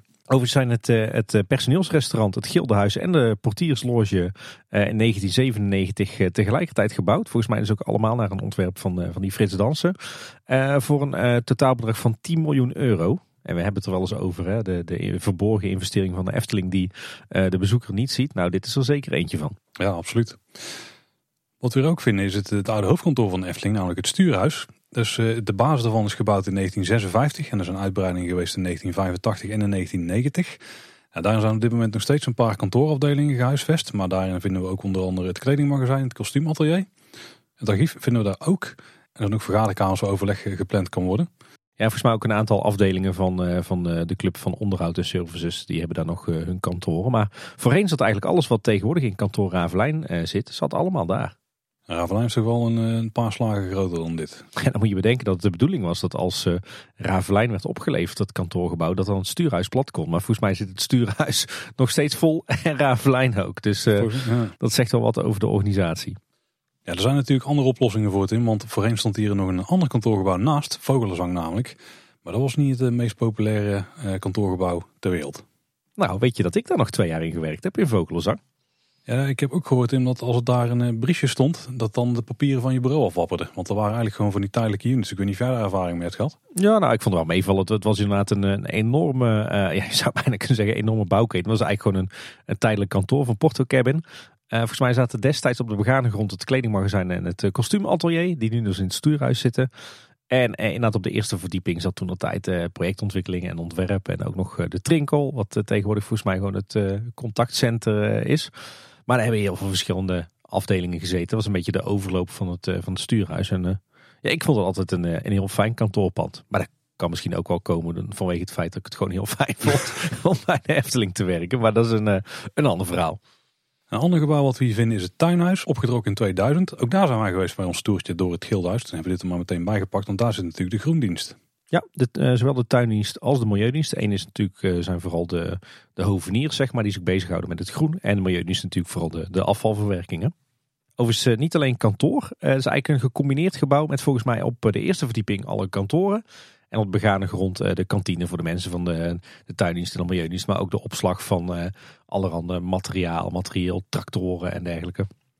En tot slot, tussen het, eh, het tuinhuis en het, eh, het stuurhuis eh, vinden we ook nog het Centraal Magazijn. Wat tegenwoordig volgens mij naar de naam Pakhuis luistert. staat er al wat langer dan de meeste gebouwen op dit terrein, namelijk sinds 1991. En ja, wat de naam al zegt, dat is het grote centrale magazijn van de Efteling. Waarin ja, met name voor zowel de horeca als de merchandise heel veel wordt bewaard. Zodat horecaleveranciers niet, niet per se ieder moment van de dag het park in, in hoeven met hun vrachtwagens. Een deel van de voorraad wordt natuurlijk wel door allerlei leveranciers gewoon ochtends eh, bij de verschillende restaurants en horecapunten geleverd. Maar een deel ook hier. Dus je zou kunnen zeggen dat eh, een beetje de, de, de grijpvoorraad uh, van allerlei spullen die, die niet dagelijks geleverd worden, dat die in het centraal magazijn wordt bewaard. En het laatste overdekte deel wat ook nog vinden op het dienstencentrum, dat is een soort carport. Het is een enorm lange gevaarte en die vind je eigenlijk parallel aan de Europalaan. Die ligt daar ook bijna strak tegenaan. Ja, eigenlijk tegen de laafmuur aan hè? Aan de andere kant van de laafmuur meteen. Ja, en dat is een, eh, een waar allerlei grote voertuigen onder staan. Accukarren, maar ook bijvoorbeeld tractoren of uh, graafmachines die de Efteling zelf heeft. Misschien die ook daar soms tijdelijk gestald moeten worden. En die kunnen ze daar gewoon droog onderweg zetten. Accukarren kunnen ook opgeladen worden. We hebben ooit geleerd dat ze daarom de laadpunten op een andere plek hebben gedaan. Omdat anders mensen gek worden van de achteruitrijdende piepende karretjes. Ja. En die kunnen vanuit daar ook makkelijk, en die kunnen vanuit daar ook makkelijk het park in. Want als ze daar onder die carport vandaan rijden, rechts afslaan, dan rijden ze eigenlijk zo bij die poort van Laaf rijden ze het park in. Ja, ja, want inderdaad, deze carport die loopt dus echt helemaal door tot aan eh, die, eh, die poort inderdaad. eh, die uitkomt op de plek van het voormalige kinderspoor, daar bij eh Lavelaar en het Antropiekplein. En volgens mij zijn het niet alleen stallingen van voertuigen, maar, maar zijn er ook enkele opslaghokken gebouwd voor de verschillende technische en creatieve diensten die in het, in het Gildenhuis zitten. Hè, maar die, waar wa- waarschijnlijk gewoon niet voldoende opslagruimte in het Gildenhuis zelf meer is. Nou, en daar hebben ze hier dan ook nog wat extra hokjes voor. En onderschat niet hoe groot dit ding is, want dit is dus meer dan twee keer de lengte van het Gildenhuis. Ja. Echt een gigantisch ding. Ja, dat is toch typisch wel zo'n schoolvoorbeeld van zaken waar je denk ik als normale bezoeker of als gemiddelde liefhebber nog niet eens eh, aan denkt dat dit allemaal komt kijken bij het, eh, ja, het, eh, het uitbaten van een attractiepark zoals de Efteling. Ja. En daarmee snijden we natuurlijk al meteen een mooie onderwerp aan. De elephant in the room zouden we dan zeggen in goed Nederlands. Namelijk de toekomst van het dienstencentrum. Wat, want er zijn heel vaak toch Efteling-liefhebbers of pretparkliefhebbers die zeggen Efteling doe dat dienstencentrum nou op, verhuis dat nou. En maar trek dit bij het park, want dan heb je ineens een enorme lap eh, grond die je bij je park kunt trekken. En in de basis klinkt het wel als een goed plan, alleen al die faciliteiten verplaatsen is natuurlijk erg kostbaar. En ze liggen ook wel op een heel praktische plek op dit moment. Ja.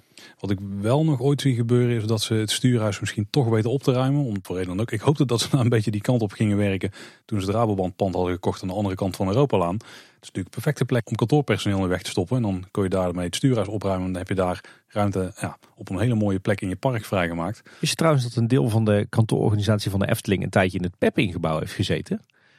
Ja, ja dus sterker nog, er heeft zelfs een keer, ja, dat was technisch gezien het Cosmo Science Center eh, clubje, wat dan op die plek ook al in tijdelijke kantoor heeft gezeten. Ja. Ja. Ja. Het Pepping-gebouw is zeg maar dat grote witte gebouw, het grote witte appartementengebouw wat achter het Rabobankpand ligt. En de begane grond daarvan is één groot ja, bedrijfsverzamelgebouw of eigenlijk een soort kantoorpand. Mhm. En daar heeft de Efteling een aantal jaar ook nog eh, een, eh, een heel groot deel van gehuurd. Maar die zijn er uiteindelijk weer, weer uitgegaan toen de Ravelijn klaar was. Inderdaad, daarvoor zat daar eh, de Steenbakker en toen was daar ook inderdaad de tijdelijke eh, projectorganisatie van Cosmo Science Center te vinden. Ja, daar eh, heb je gelijk in. Maar goed, terug naar het, de discussie over het dienstencentrum. Ja, ik denk dus dat uiteindelijk wat ik wel zie gebeuren op nou, zeg maar de komende 15 jaar misschien, is dat het stuurhuis plat gaat en dat ze dan met die ruimte iets gaan doen die daardoor vrijkomt. Het is ook een bebouwd oppervlak, redelijk oppervlakte ook, waar je dan iets van een attractiegebouw zou kunnen neerzetten of een attractieruimte kunt inrichten in ieder geval. Sterker nog, je zou het ook kunnen platgooien en dan misschien een openluchtattractie neer kunnen zetten waarmee je weer de beperkte procentjes weer terugkrijgt die je ergens anders in het park dan kunt volzetten. Maar verder zie ik ze eigenlijk de komende 25 jaar niet zo heel veel doen aan het dienstencentrum. Nee, dat je niet moet onderschatten hoe belangrijk het is en, en hoe, hoe gunstig het eigenlijk is om zo'n groot dienstencentrum direct aan je park te hebben liggen. Ik bedoel, eh, je moet zo vaak het park in. In geval van calamiteiten, de hulpdiensten, maar ook eh, natuurlijk de bevoorrading van het park, eh, de afhaal, afvalophaaldiensten, alle technische diensten die vanuit het Gildenhuis komen. Ja, het is gewoon super fijn dat je, dat je vanaf zo'n dienstterrein gewoon rechtstreeks het park in kunt rijden. Terwijl het toch redelijk afgescheiden ligt van de rest van het park. Nou, je kunt op plekken wel een beetje erop interen. Je zou bijvoorbeeld een stukje eh, parkeerterrein wat achter de wachtruimte van Carnival Festival ligt, zou je misschien nog iets mee kunnen doen ooit. Dat is ook al vaak geopperd eh, door de Armchair Imagineers om daar een, eh, een Jokie en Jetpleintje van te maken met de entree van Carnival Festival aan die kant. Ja. Zou ik in de basis toejuichen, maar wordt misschien allemaal wel wat krap. Maar er zijn wel mogelijkheden toe. Dus er zou wel wat ingericht of heringericht kunnen worden op het ruim. Dan is het echt het zuidgedeelte ervan. Dus nogmaals stuurhuis aan de achterkant van Carnival Festival. Ik denk dat het daar wel mee ophoudt hoor. En ik zag trouwens ook nog wel wat, eh, wat plannen voorbij komen van verschillende mensen voor een Jokie in Jet eh, thema binnenspeeltuin. Een soort eh, Monkey Town Goes Jokie in Jet op die plek. Dat is niet de beste manier om dat te verkopen. Denk ik. maar het plan aan zich, er zit wel iets in. Eh, Wist je trouwens dat er in de, de plannen voor de wereld van de Efteling, die eh, eind jaren 80 zijn gemaakt, dat, eh, dat daar nog plannen in zaten om het hele dienstencentrum te verhuizen naar de strook tussen de Horst en de N62? Ja, was het verplaatsen of was het dan vooral daar alles gaan optrekken? Want een hoop van de gebouwen waar we het nu net over hebben gehad, die bestonden toen natuurlijk Nee. niet. Klopt. Eh, maar dat, dat weet ik zeker. Ja. Dan was het, dan was het strookrijk was nooit gekomen. Nee, inderdaad. Die strook is nu natuurlijk eh, gepland als uitbreiding van het Reisrijk en het, eh, het Ruigrijk. Nou, voordat we hier allemaal te diep op ingaan, Tim, want ik denk dat we dit nog wel eh, vaker aantippen in onze afleveringen.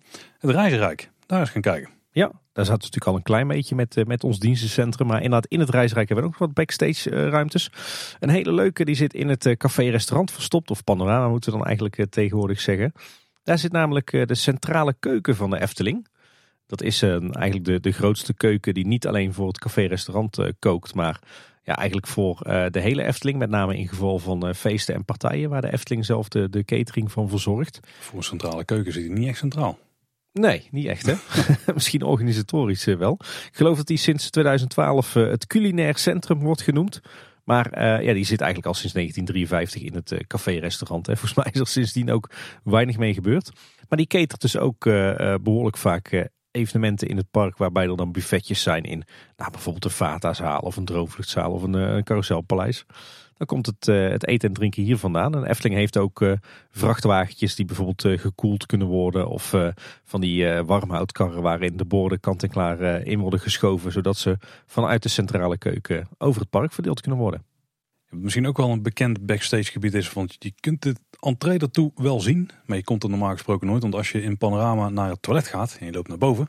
Ja. Dan heb je natuurlijk de deur naar de toiletruimte. Maar je hebt ook nog een aantal gesloten deuren.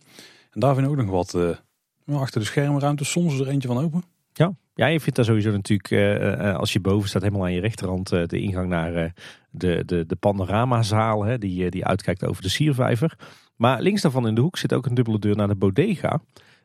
Trouwens een chic woord is voor een wijnlokaal. Maar dat zijn eigenlijk twee hele luxe vergaderruimtes. Die ook al sinds 1953 in het café-restaurant zitten. Um, en die zijn voor allerlei doeleinden gebruikt. Uh, zo heeft er in 1964 een keer een expositie plaatsgevonden van werk van Anton Pieck. En tussen 1958 en 1965 vonden er zelfs de raadsvergaderingen van de gemeente Loon op Zand plaats. Moet, je, oh. moet je nagaan. Uh, dat gebeurt tegenwoordig allemaal niet meer. Ik geloof dat, dat het nog in gebruik is als vergaderruimte voor wat chicere vergaderingen. Bijvoorbeeld met de, het stichtingsbestuur of de raad van commissarissen. Alhoewel, ik kan me voorstellen dat die tegenwoordig gewoon in, uh, in vergaderen in een van die chique vergaderruimtes. Um, ik heb er zelf ooit eens een cursus gevolgd, volgens mij. En ja, dit, wordt vooral gewoon intern gebruikt als vergader- en, en opleidingsruimte. Je ziet het trouwens ook voorbij komen in de Vijf Zintuigen documentaire over Tom van der Ven. Tijdens het interview met Tom, dan zit hij in, in de bodega. Hm. En die kan je herkennen aan het, het orgeltje dat daar nog staat. Daar staat het Wellershuis orgel van de voormalige fietsenmolen. Die, die is gered van een of andere weggeefactie voor het goede doel. En, en die staat ook nog in een van die ruimtes. Misschien ook wel interessant om even te noemen is dat er een stukje Outbackstage nu uh, toegankelijk is voor bezoekers. En dat is namelijk uh, het, een beetje de verstopte hoekje in Panorama. Daar heb je zo'n verhoogd deel. En dat was vroeger Café Havenzicht. Dat was echt een stukje waar alleen maar personeel mocht komen. Maar daar hebben ze op een gegeven moment de wand en de deur uitgeslagen. En vanaf dat moment kun je er ook gewoon gaan zitten als je wel wil eten daar. Ja, het is inderdaad heel duidelijk herkenbaar omdat het een heel stuk hoger ligt. Je vindt het eigenlijk bij, uh, bij Panorama Self-Service, oftewel Panorama Laplace nu. En dan helemaal links achterin, eigenlijk vlakbij uh, de doorgang naar de toiletgroep die aan het Kleuterhof ligt. Um, vroeger was dat dus echt een café. En dan zat er ook echt een bar in. En werden daar met name de, ja, alle borrels en recepties voor Efteling personeel gehouden. In zeethema. En als we dan naar het Reisrijkplein gaan kijken, dan is het misschien wel eens opgevallen dat er zo'n uh, helling ligt die een beetje zo in zo'n bocht omhoog loopt richting een gebouw. En daar bevindt zich de entertainmentkleedkamer voor het Reisrijkplein Entertainment. Ja, onderdeel volgens mij van uh, de nieuwbouw van Vogelrok in 1998. En naar verluidt het ook een hele grote kleedruimte. Nog nooit geweest, ik neem het achter elkaar aan. Je hebt misschien ook nog een backstage gebied is en wat er aan ligt is het, uh, de oude wachtrij van Vogelrok. Maar daar hebben we ook al heel vaak woorden aan schoongemaakt, vuilgemaakt? Ja, nou ja, en eh, om deze opsomming toch compleet te maken, inderdaad. Eh, natuurlijk de, de oude eerste en tweede wachtrij van Vogelrok. De eerste wachtrij was die enorm grote hal waarin de lasershow plaatsvond. En de tweede wachtruimte die, die lag eigenlijk op kelderniveau. Met die, die raampartij waarmee je op de baan keek. Nou, die beide wachtruimtes zijn eh, eh natuurlijk in het recente verleden afgesloten. En eh, die zijn naar verluid nu nog steeds in gebruik als, als opslag, onder meer voor alle verkoopkarren in het Reizenrijk. We hadden het net al over het dienstencentrum. En als je die op zou lopen bij de poort die naast Jokies Wereld zit, dan kun je in plaats van dat je rechtdoor het, dat terrein op gaat, kun je ook linksaf. En dan kom je nog op een soort backstage gebiedje wat achter de smulpaap ligt. Dat is eigenlijk als het ware een soort van parallelweg van de dubbele laan. Dus je zou het misschien al de driedubbele laan kunnen gaan noemen. maar dan natuurlijk alleen voor personeel. En die begint inderdaad, zoals jij zegt, eh, Paul, begint hij al daar bij Jokies Wereld. En die loopt helemaal door tot aan het, eh, het Antropiekplein. Ja, dus is zo'n zo'n groene poort hè? Ja, inderdaad. Als je, als je zeg maar vanaf de dubbele laan uh, de eerste rechts gaat richting uh, het Antropiekplein, en dan loop je zo op de grote zweefmolen uh, af. Dan heb je aan je linkerhand op een gegeven moment het Efteling Museum. En aan je rechterhand, vlak voordat je het smitje ziet, heb je inderdaad zo'n grote groene, of piekblauwe moet ik eigenlijk zeggen, houten poort. En ja, die komt inderdaad op die, die parallelweg uit. Met name in het verleden was dit een interessant gebied. Want eh, op de plek waar we nu dus de smulpaap vinden, er waren vroeger de werkplaatsen van decoratievormgeving, van de bouwdienst, van de schilders. En die zijn dus omgebouwd in 2003 tot de huidige smulpaap. Hè, daarbij hebben ze die werkplaatsen eigenlijk gewoon omgeturnd in uh, de kantine en opslag en, uh, en vriezer en koelcellen van de smulpaap. En daarnaast zat daar in het verleden ook de brandweerkazerne. Uh, je vond daar ook wat, wat kantoortjes van bijvoorbeeld Trefpunt, wat een soort sociale werkplaats was. En de Efteling Personeels BV, wat zeg maar de uitzendorganisatie van de Efteling was. Maar dat is allemaal opgedoekt. ik geloof dat het momenteel vooral ja, het backstage gebied is van de smulpaap. Ja, en een backstage voor in suikerbuik denk ik. Inderdaad. En volgens mij zit er ook nog wel, wel, wel wat van opslag uh, uh, voor de BHV-organisatie. Efteling heeft natuurlijk geen eigen brandweer meer, maar wel nog een uh, eh, BHV-organisatie. En ja, ook een heel groot deel van het, het stuurhuis kijkt natuurlijk uit op, op dit gebiedje. En vroeger hoorde natuurlijk ook het huidige museum daarbij, want dat was vroeger de smederij. Ja, klopt inderdaad. De werkplaats van ja, de WOD, hè, Werktuigbouwkundige Onderhoudsdienst. En het leuke is dat, dat die doorbraak uh, zeg maar vanaf de dubbele laan richting de grote zweef. Met aan de ene kant dus de Smulpap en aan de andere kant het museum. Die stamt ook uit 2003. Hè? Want voorheen liep uh, zeg maar dat dienstgebied liep helemaal door tot de voorkant van het Efteling Museum. Wat, uh, wat voorheen de Bonte Harlekijn was. dus je kon, je kon niet daar al rechts, waar je nu rechts kan. Richting, het, richting de grote zweef. Maar je moest echt doorlopen tot aan de zoete inval voordat je echt het Antropiekplein op kon. Dit is een prima verbetering wat mij betreft. Een mooie shortcut. En dan door naar het Marenrijk en dan gaan we weer naar het Carouselpaleis kijken. We hebben al meermaals aangehaald. Maar nu gaan we even naar de westkant van het gebouw kijken. Want eigenlijk ingeklemd tussen het Carouseltheater, de toiletgroep van het Carouselpaleis en die donkere gang door zo'n ruïne vanaf de Dioramalaan het uh, diorama in. Daar uh, vinden we uh, ook een grote kleedkamer voor met name entertainment. En dat is op zich natuurlijk wel logisch, want ja, die zit vast aan het podium van het Carouseltheater. Oh. Tegenwoordig niet meer zo relevant, want zo heel veel shows vinden niet meer plaats in het Carouseltheater. Maar vroeger natuurlijk wel. En nu, eh, nu vervult hij nog steeds een functie als uh, ja, kleedkamer voor alle sprookjesfiguren en prinsen en prinsessen in het park. En de sprookjesproklaar die is altijd daar aan verdwijnen. Ja, en ook de, de begeleiders van uh, Draai over de Melodijn, die kleden zich daarom. Oh. Als we dan in het Lavla gaan kijken, dan hebben we natuurlijk ook een heel mooi stukje backstage. Behalve dan natuurlijk aan de noordkant het dienstpad wat daar technisch gezien loopt. En waar ook netjes bochtjes van staan lopen hier niet in. Want we hebben ook een werkplaats voor de Lavela monorail. Ja, eigenlijk uh, de hele begane grond onder het, uh, het station van de Slakkenmonorail. Ja, en daar is het uitrangeren heel interessant, want er gebeurt niet uh, horizontaal, maar er gebeurt daar verticaal. Want die slakken die kunnen gewoon naar beneden zakken en dan kunnen ze, eigenlijk als je in de slak zit, rechts het gebouwtje in, in geduwd worden. Verder heeft ook het, eh, het Witte Paard nog een, eh, een verstopt backstage gebiedje. Of eigenlijk moet ik zeggen de, de combinatie van Witte Paard, het poffertje, en de glaarste kat en uh, ik wou zeggen het hommeltje, maar ik bedoel het hydraat natuurlijk. En ja, die vind je eigenlijk een beetje verstopt achter Geel en de Gijs. Daar vind je ook weer zo'n typerende houten poort in, in piekblauw. En ja, dat is gewoon een, een klein backstage gebiedje met wat, wat extra koel- en vriescellen. Met, met wat, wat emballage, met wat afvalverwerking. Een soort binnenpleintje. Ja, en dan komen we bij Droomvlucht uit, Tim. Want daar gebeurt ook nog vrij veel omheen. En hebben we al een beetje aangehaald toen we een dienstpad net bespraken. Want um, je hebt links en rechts van Droomvlucht eigenlijk een backstage gebiedje. Links ligt natuurlijk achter het terras van, ja, van Dromerij. Of wat, dan ook uh, na heropening. Want dat is op het moment van opname niet gebeurd. Maar inmiddels wel hoe het uh, horecapunt daar ook mag heten. Als het überhaupt nog een horecapunt is trouwens. Ik uh, blijf het Gulden noemen.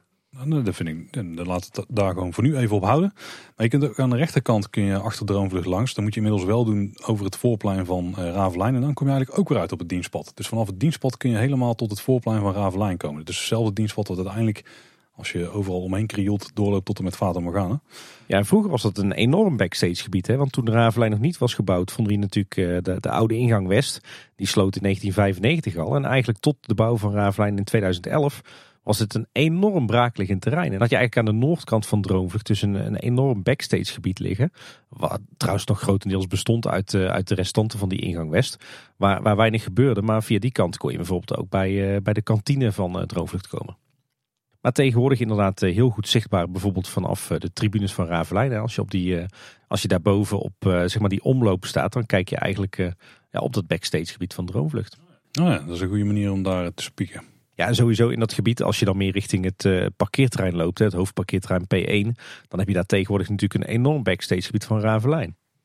Ja, die hebben we net al aangehaald, hè? want uh, die ligt langs het dienstpad.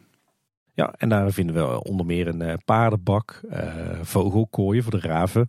Ook de, de, stallen van de paarden die daar, die daar overdag staan. Eigenlijk is daar ook een, een deel van het, het parkeerterrein voor opgeofferd, hè, de korte kant. Ja, een heel bekend stukje backstage is natuurlijk kantoor Ravelijn.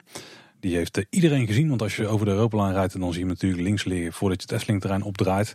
En als je in de show Ravelijn zit, dan kijk je eigenlijk recht op dat gebouw. En dan kun je, als je goed kijkt, mensen soms zien werken achter, of overleggen, achter de raampjes die daar uh, in het decor eigenlijk zitten. En kantoor Ravelijn bestaat uit twee vleugels. Uh, het is gewoon een L-vormig gebouw. En die hebben ieder vier verdiepingen. Dus een begane grond en dan drie verdiepingen bovenop. En daar bevindt zich natuurlijk al het kantoorpersoneel van de Efteling. Helemaal onderin zit een stukje niet backstage. Want daar is natuurlijk het wapen van Ravelijn. En die toren in het midden, dat is eigenlijk de plek um, die, die je dus ook ziet vanuit Ravelijn. Dat is eigenlijk de plek waar het grootste deel van de vergaderkamers zich bevindt. Buiten nog wat kleinere vergaderkamers die tussen de kantoren zich bevinden. Maar daar zitten de echte, de chique vergaderkamers, Tim. Ja, de vergaderzaal. Uh, ja, zeker. Het is zelfs een vergaderzaal waar volgens mij uh, de verschillende directeuren uit de tijd dat Ravelijn gebouwd werd allemaal zo'n zo'n uh, zo'n hoofdje hebben dat tegen de houten balken is bevestigd. Als een soort kapiteel, zeg maar. Bijna leuk om daar een keer een audiotour van te doen. Maar ik denk dat ze daar niet gaan dat ze daar niet op zitten te wachten. Nee. Overigens zit aan die, uh, aan die toren vast. Aan de kant van het parkeerterrein zit overigens ook de, de centrale hal van Ravelijn. En dat is echt een enorm indrukwekkende ruimte. Ik denk dat je die ook wel eens voorbij hebt zien komen op uh, wat YouTube video's. Daar vind je bijvoorbeeld ook nog wat, uh, wat maquettes.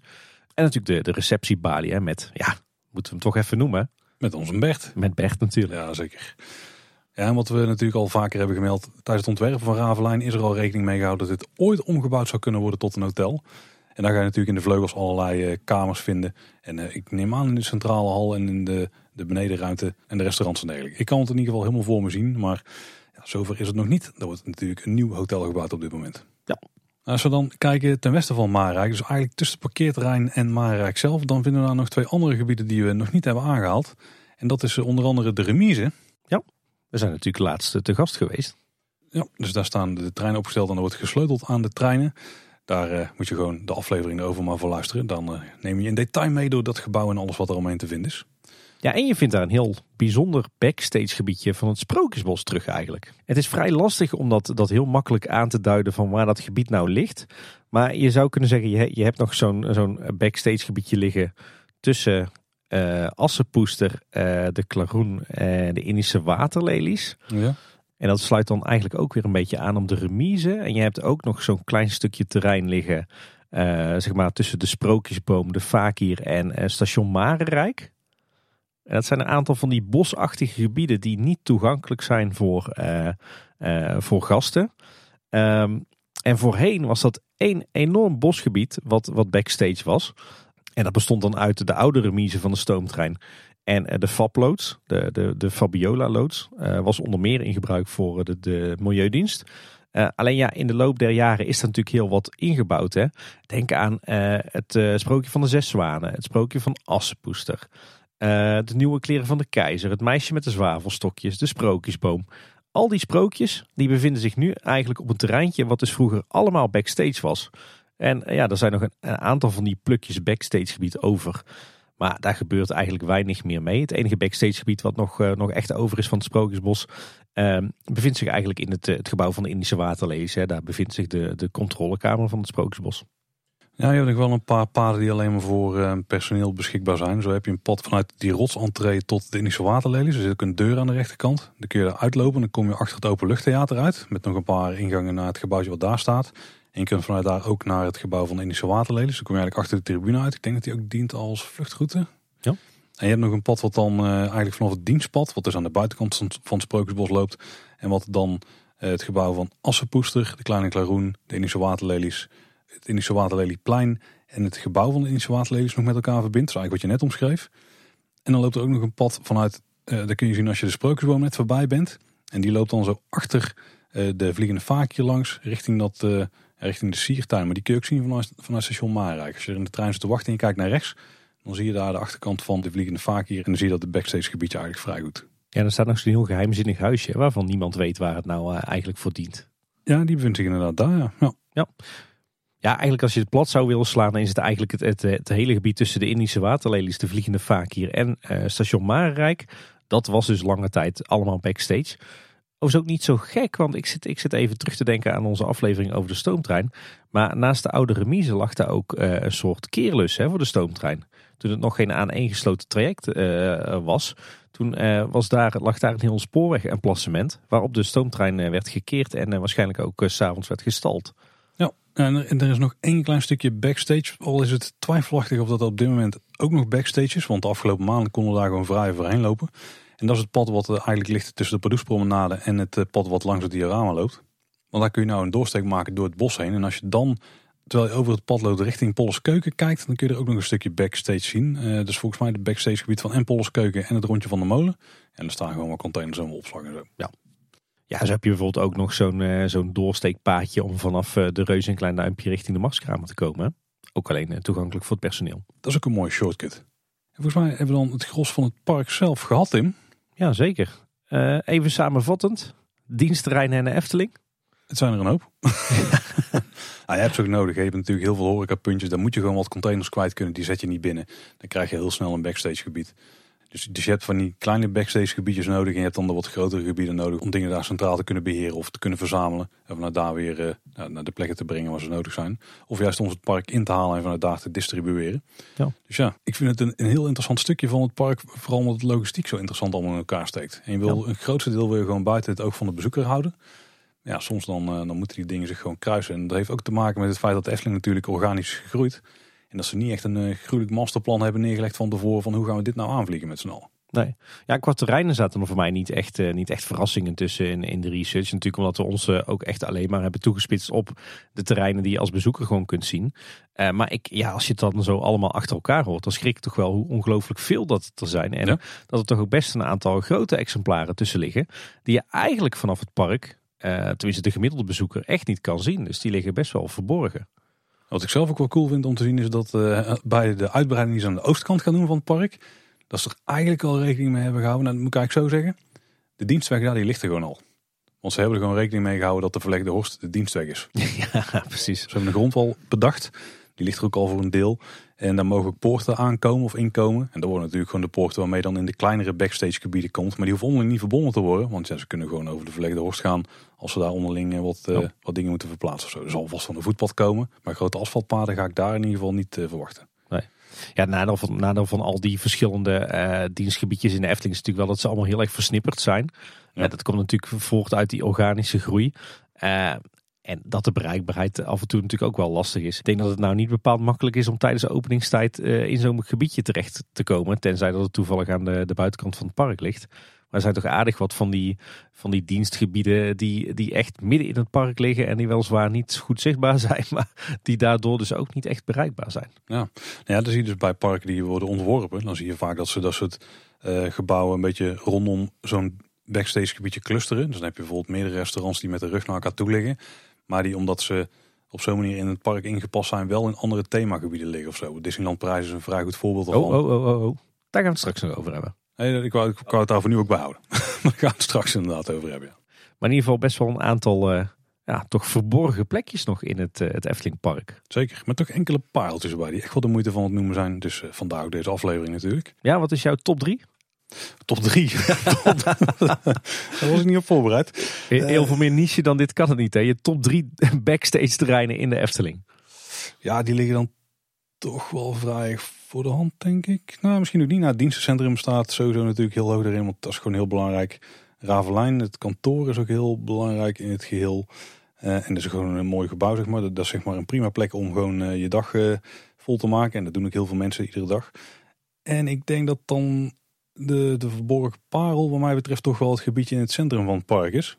Wat is symbolica, het pagode en eigenlijk zelfs helemaal tot Sirocco verbindt met de, de kantine en het carouselpaleis. Dat is nog wel een plek waar ook nog wel wat mogelijkheden voor zijn. Als we daar wat meer diensten gaan centraliseren, dan kun je die centraal vanuit het park eigenlijk, wat je al zei, meerdere rijken tegelijk insturen. Want je zit en aan Marenrijk en aan Reizenrijk en aan Fantasierijk. Wat dat betreft echt een hele goede locatie voor een backstage gebied. Ja, nieuwe invulling van de bovenverdieping van het personeelsrestaurant. Nou ja, dus ik, ik zat al te fantaseren van de centrale keuken. Zou die niet op een zinnigere plek kunnen, wel meer centraal in het park. Maar eigenlijk is het best wel een stomme plek, want er zit helemaal geen restaurant aan vast buiten het personeelsrestaurant. Ja, precies. Maar je hebt natuurlijk Pollers Keuken die je net niet aanraakt. Je hebt Panorama die je net niet aanraakt. Je hebt de Witte Paard die je net niet aanraakt. Ja, het zou kunnen, maar ideaal is het ook niet. Hè? Nee. Nee. En met het aan- en afvoer van vrachtwagens, dat kan natuurlijk alleen maar buiten parkopeningstijden. En dat is natuurlijk het voordeel van de plek waar de huidige centrale keuken zit. Dat maakt daar niet uit. Dan kan iedere, ieder moment gewoon een vrachtwagen naartoe. Ja, zeker. En jij heb je ook een top 3? Oeh, ja, dan ga ik toch echt voor die verborgen plekjes die, je- waar je eigenlijk geen erg in hebt. Dan ga ik inderdaad ook voor dat centrumgebied van het park. Dat mooie bosachtige gebied met al die eh, geheime paadjes. Dan ga ik denk toch ook wel voor die backstage van het Sprookjesbos en, eh, en de remise. Wat natuurlijk ook wel een, eh, een, een apart gebiedje is wat, waar eigenlijk niemand erg in heeft. En dan denk ik dat ik toch ook zo die back of the house van de Vliegende Hollander en de Baron, en Baron 1898 wel een, eh, een toffe vind. Omdat het ook echt een flinke lab is midden in je park waar niemand erg in heeft. En ook weer waar de ruggen van attracties met elkaar verbonden zijn. Ja, En organisch gegroeid ook. Heel slim, ja. ja, ja, ja. Ik vind het uh, goeie. Nou, dan denk je de aflevering zit erop. Maar we zijn pas op de helft van het draaiboek. nee, dat is niet, overdrijven, Paul. Nee, de rest kunnen we wel wat vlotter doorheen. Want de- in de rest van de wereld van de Efteling heb je natuurlijk ook enorm veel backstage terreinen. En die heb je bijvoorbeeld op ieder vakantiepark individueel. Ehm, maar die gaan we even globaal doorlopen. Eh, het hotel, het Efteling Hotel, heeft natuurlijk een backstage gebied. Natuurlijk in het hotel zelf heb je allerlei eh, off-limit eh, stukken waar je niet moet komen. Ook buiten het hotel zelf. Want aan de, de kant die richting het park is gericht, daar hebben we de linnenkamer staan. Ja, dat is zo'n apart eh, grijze gebouwtje wat er later tegenaan is gebouwd. Eh, behoorlijk lelijk en eh, nu extra goed zichtbaar sinds de verlegde horst is aangelegd. Want dan rij je er langs. Maar sowieso, als je het parkeerterrein van het hotel oprijdt, dan heb je ook aan je linkerkant zo'n dienstgebiedje. Hè? Daar ligt de linnenkamer ook aan, toch? Ja, ja, ja, klopt. Die ligt daar volgens mij helemaal aan het uiteinde van. En naar verluid is het hotel van binnen, met name op de begane grond, ook echt één enorm doolhof aan dienstruimtes. En als we dan naar Bosrijk gaan, dan is het meest interessante backstage gebied is denk ik degene die je vindt als je, ja, als je zeg maar aankomt rijden bij Bosrijk en je gaat richting de parkeerplaats. Voordat je rechts de parkeerplaats opdraait, kun je ook links, soms staat de poort er open, maar dan heb je links een backstage terrein. Er zit een hele grote poort voor. En ik heb eh, net pas geleerd, Tim, dankzij ons draaiboek, dat dit het Schelvorstplein is. Ja, inderdaad. Vernoemd naar Koen Schelvorst natuurlijk, de manager van Bosrijk in, eh, in de beginjaren. Maar eh, ja, het is eigenlijk een vrij klein bemeten backstage gebied. Wat je al zei, rechts van het, eh, het poorthuis. Volgens mij zit daar wat kantoorruimte en werkplaatsen. En ook een, ja, een soort binnenpleintje voor wat opslag. Maar dat was eigenlijk al te klein op het moment dat Bosrijk werd opgeleverd. Wat ik nooit echt veel erbij gemaakt. Nou, ze hebben natuurlijk nu wel eh, dat de schoonmaakdiensten op een andere plek zitten. Ja, ik geloof dat bij het landhuis ook nog wel wat, wat dienstruimtes zitten. Maar dat stelt inderdaad allemaal niet veel voor. Maar ze hebben absoluut hun lessen geleerd. Want bij het Loonse Land hebben ze het een stuk eh, ruimer aangepakt. Ja, want bij het Loonse Land heb je, een, eh, zeker als je in het hotel verblijft, dan heb je het misschien wel gezien. Maar tussen het hotel en de Eftelingse straat ligt een vrij groot backstage terrein. Zo ja. Met daar ook een linhuis aan, maar ook het stookhuis. Die Ja. kun je ook vanuit het park zelf heel tof zien met het, met, met het kunstwerk wat ze er eigenlijk tegen de zijwand aan hebben geklust. En dat is een heel groot open plein. En dan kunnen ze daar ook heel flexibel in zetten. Ja, en het grappige is dat Lindenhuis wat jij net aanhaalde, dat, dat is dus zeg maar een soort van ja, hele lange loods die vastzit aan het Loonse Land Hotel. En die is eigenlijk semi-permanent eh, gebouwd. Het is eigenlijk een soort eh, unitbouw. Maar die is wel aan de buitenkant mooi met hout afgewerkt. Waardoor het eh, een beetje in het sfeertje van het Loonse Land past. Maar daar zit inderdaad alle, schoonmaakdiensten en, en de linnenverzorging en dergelijke. Maar bij het Loonse Land is het allemaal erg ruim bemeten. Ja, maar even een indruk te geven van hoe groot dat binnenpleintje dan is. Dat is dus groter dan het Fata Morgana-plein. en daar gebeurt eigenlijk vrijwel niks op. Ja, ze kunnen er in principe units en zo opzetten. En ze kunnen er heel makkelijk vrachtwagens keren, denk ik. Ja, Die kunnen en, een en rondje personeel, personeel parkeren denk ik. Ja, daar zit daar niet eens volgens mij. Volgens mij kijk je er trouwens ook op uit op die hoek. Als je, als je in de proeftuin gaat eten. En je gaat dan een beetje helemaal achter in die hoek eh, zitten eten. Waar ook de, de doorgang naar de toiletgroep is. Parkeren voor personeel zit hier volgens mij niet eens. Die parkeren denk ik gewoon op het parkeerterrein. Dat is ook groot zat toch? Ook daar hebben ze niet beknippeld op eh, de ruimte in nee, daar hebben ze het denk ik goed gedaan. En sinds kort is er eh, nog iets bijzonders toegevoegd aan eh, de backstage wereld van de Eftelingen. Ja, namelijk Café de Efteling. Ondanks dat het de naam de Efteling al droeg, was dit nooit van de Efteling zelf. Wel van het buurtschap Efteling. Maak het allemaal niet ingewikkeld voor onze luisteraars, Tim. Maar inmiddels wel van Efteling zelf. En dit eh, dient als een, eh, ja, een soort extra personeelsruimte. Waar ze alle activiteiten organiseren die eh, voor het personeel onderling. Ja, ja een café aan de Horst, de van Tilburg naar Waalwijk. in de jaren 50 herbouwd nadat het in de Tweede Wereldoorlog was, was platgegooid. Lange tijd als buurtcafé uitgebaat, maar na een aantal jaren van leegstand nu inderdaad van Efteling. En ja, volgens mij doen ze vooral aan teambuilding daar, hè, zowel binnen als buiten. Nou, volgens mij is het gewoon een, een plek waar personeelsleden zelf vrij dingen kunnen organiseren. Nou, waarschijnlijk moeten ze wel ergens aanvragen, maar als je iets leuks wil organiseren als personeelslid, dan kan het in ieder geval daar. Dat zeg ik, teambuilding. Hoeft niet altijd teambuilding te zijn. nee, dat is waar. Uh, ik moet zeggen, in de, de tuin van Café de Efteling, die volgens mij vier keer zo groot is als het gebouwtje zelf, uh, vindt ook heel wat plaats. Sowieso wordt daar uh, volgens mij regelmatig gebarbecued en gevoetbald. Maar er komen ook steeds meer uh, Efteling-reliquieën te staan. Hè? Volgens mij staan er wat, wat kookpotten van Monsieur Cannibal en de walvis van Polka Marina staat er. Zeker, ja. Er is natuurlijk nog een ander enorm terrein wat van de Efteling is. En dat is Golfpark de Loonse Duinen. Ja. Is natuurlijk nog steeds eigendom van Efteling. De exploitant is een externe club. Maar daardoor zijn er een paar gebieden daar die ook bij de backstage gebieden van Efteling gerekend zouden kunnen worden. Eentje daarvan is de Greenkeepers Loods. Zijn we ook geweest Tim. Toen we ja. een tour kregen door het toen nog Efteling Golfpark. En dat was voorheen ook een enorm opslagterrein.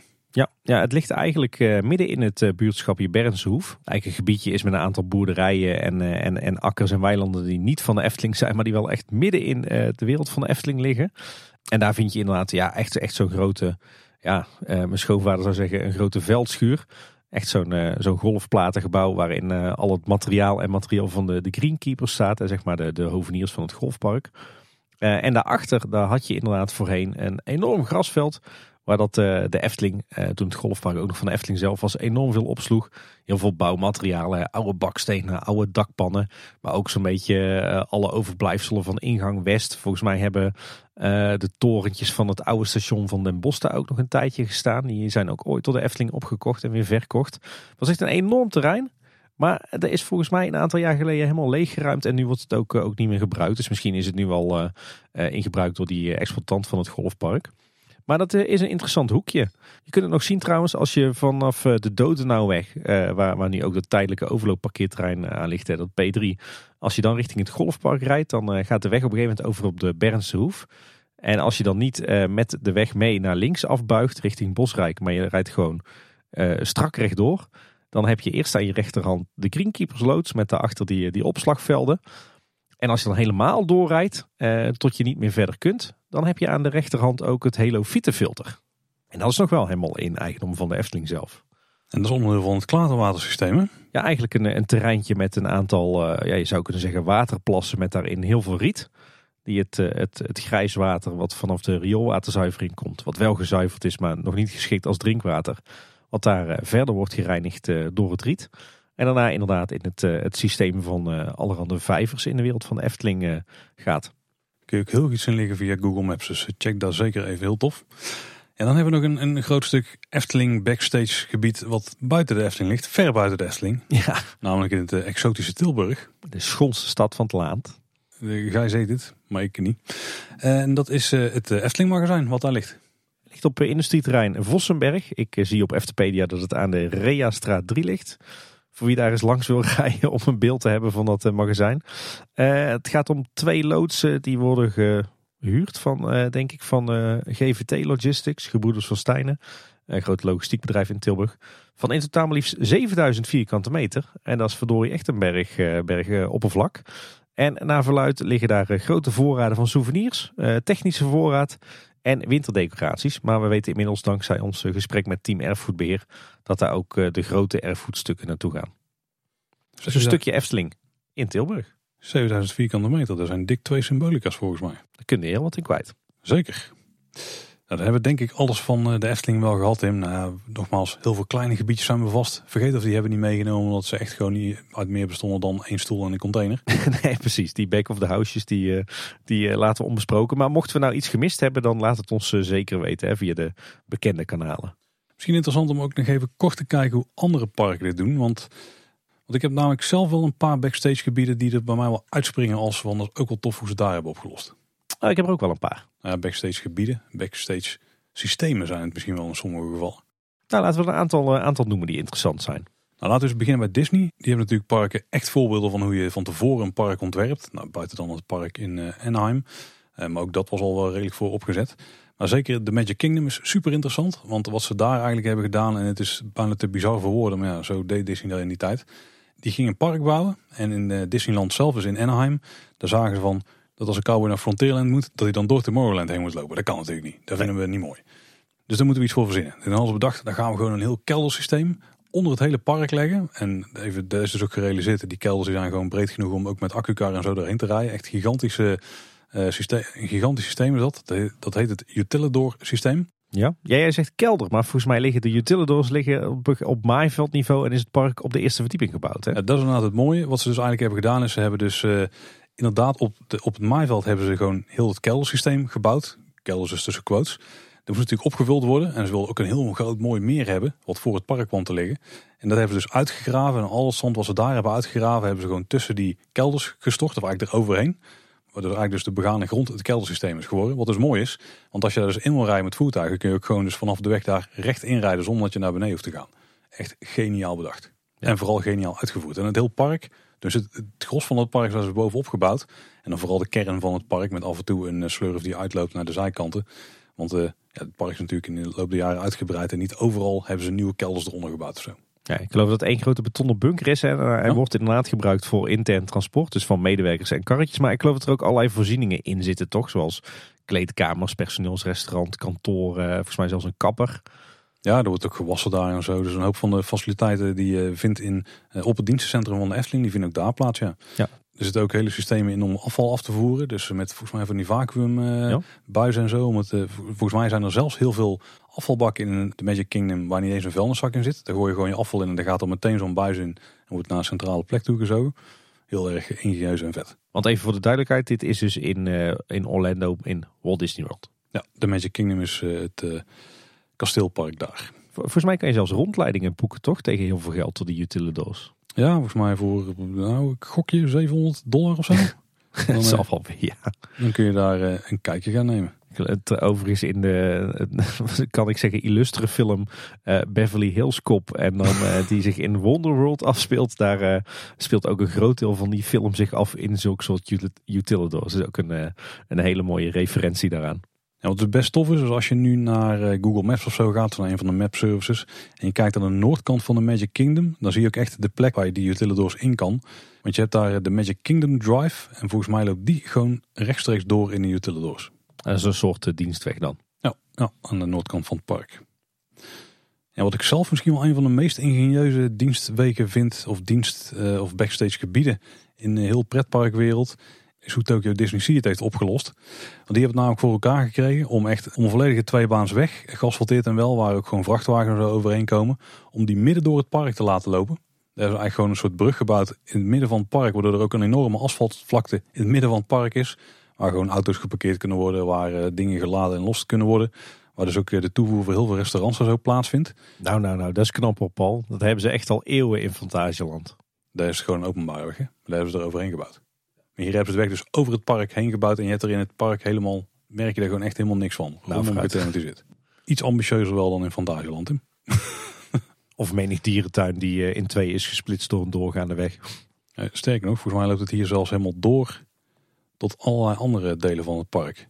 Ik, ik, ik heb hem nog nooit kunnen vinden. Als iemand een kaartje heeft waar je het hele systeem van backstage gebieden van Disney Sea uh, op kunt zien, ik uh, hou me warm aanbevolen. Eigenlijk moeten Details gewoon een, eh, een eh, Disney variant van deze aflevering maken. Die eh, zijn ook wel even bezig om dat allemaal uit te, uit te spitten en te behandelen. Lijkt me echt iets voor Ralf. Van alle Disney park. Dat is wel een uitdaging denk ik. Mag ik dan nog een Disney park nomineren voor een geniale backstage? Van mij wel. Dat is natuurlijk dicht bij huis. Disneyland Parijs. Een park wat natuurlijk echt vanaf de tekentafel is ontworpen. En wat je ook echt terugziet in het park zelf. Wat ja, voor, volgens velen nog steeds het, uh, het allermooiste Disney kasteelpark ter wereld is. Maar ook achter de schermen is het daar echt ontzettend goed ontworpen. Want als je de plattegrond van het park ziet met de backstage gebieden, dan is het daar toch wel verdraaid slim gedaan. Want als je in het park staat, dan, dan zit je 100% in die beleving en zie je nergens backstage. Maar het grappige is dus dat je hoeft maar één stap zeg maar, buiten die gethematiseerde wereld te zetten. En je staat meteen in een backstage gebied. Dat hebben ze daar wel heel slim gedaan. Ja, wat je eigenlijk ziet bij die parken, bij die ontworpen parken, is dat ze daar van tevoren al heel veel ruimte vrijmaken voor de medewerkers, wat Disney dan de castmembers noemt. En dat die ook vaak eigen gigantische parkeerterreinen hebben met hele grote gebouwen met echt loodsen voor alleen de kleding, zeg maar, waar mensen gewoon, zo stel ik me helemaal voor, die lopen daar s ochtends in, aan de ene kant met een uh, standaard kloffie. En die lopen er uh, al massa aan de andere kant uit met een uh, werkkloffie. En wat je dus ook vaak ziet is als die parken dan verder moeten gaan uitbreiden. Dat soort gebieden dus sneuvelen. Zie je heel vaak bij de Universal parken. Ja. En maar ook bijvoorbeeld voor die uitbreidingen van de Star Wars gebieden die Disney zelf heeft gedaan.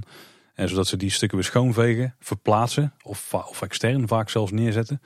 of dan parkeerplaats gaan op, omtoveren tot parkeergarages bijvoorbeeld. Zodat het minder ruimte in beslag neemt. Zodat ze daar het park maar verder kunnen uitbreiden. Maar daar hebben ze inderdaad goed over nagedacht. En dat is ook wel tof als je dus dat ze het parken bekijkt op satellietfoto's. Het meeste van de verhouding is beton. En die heeft altijd een kleurtje. Maar het meeste van die dienstpaden zijn gewoon asfaltpaden. Dus je kunt vrij goed spotten. Behalve dan bij uh, de Walt Disney Studios in Parijs. Ja. Waar de backstage gebieden ophouden en waar het park dan begint. En zeker als je kijkt hoe bijvoorbeeld de parade dan wordt weggeleid daar. Want die moet eigenlijk gewoon een rondje kunnen rijden natuurlijk. Dat zit allemaal wel ingenieus in elkaar. Ja.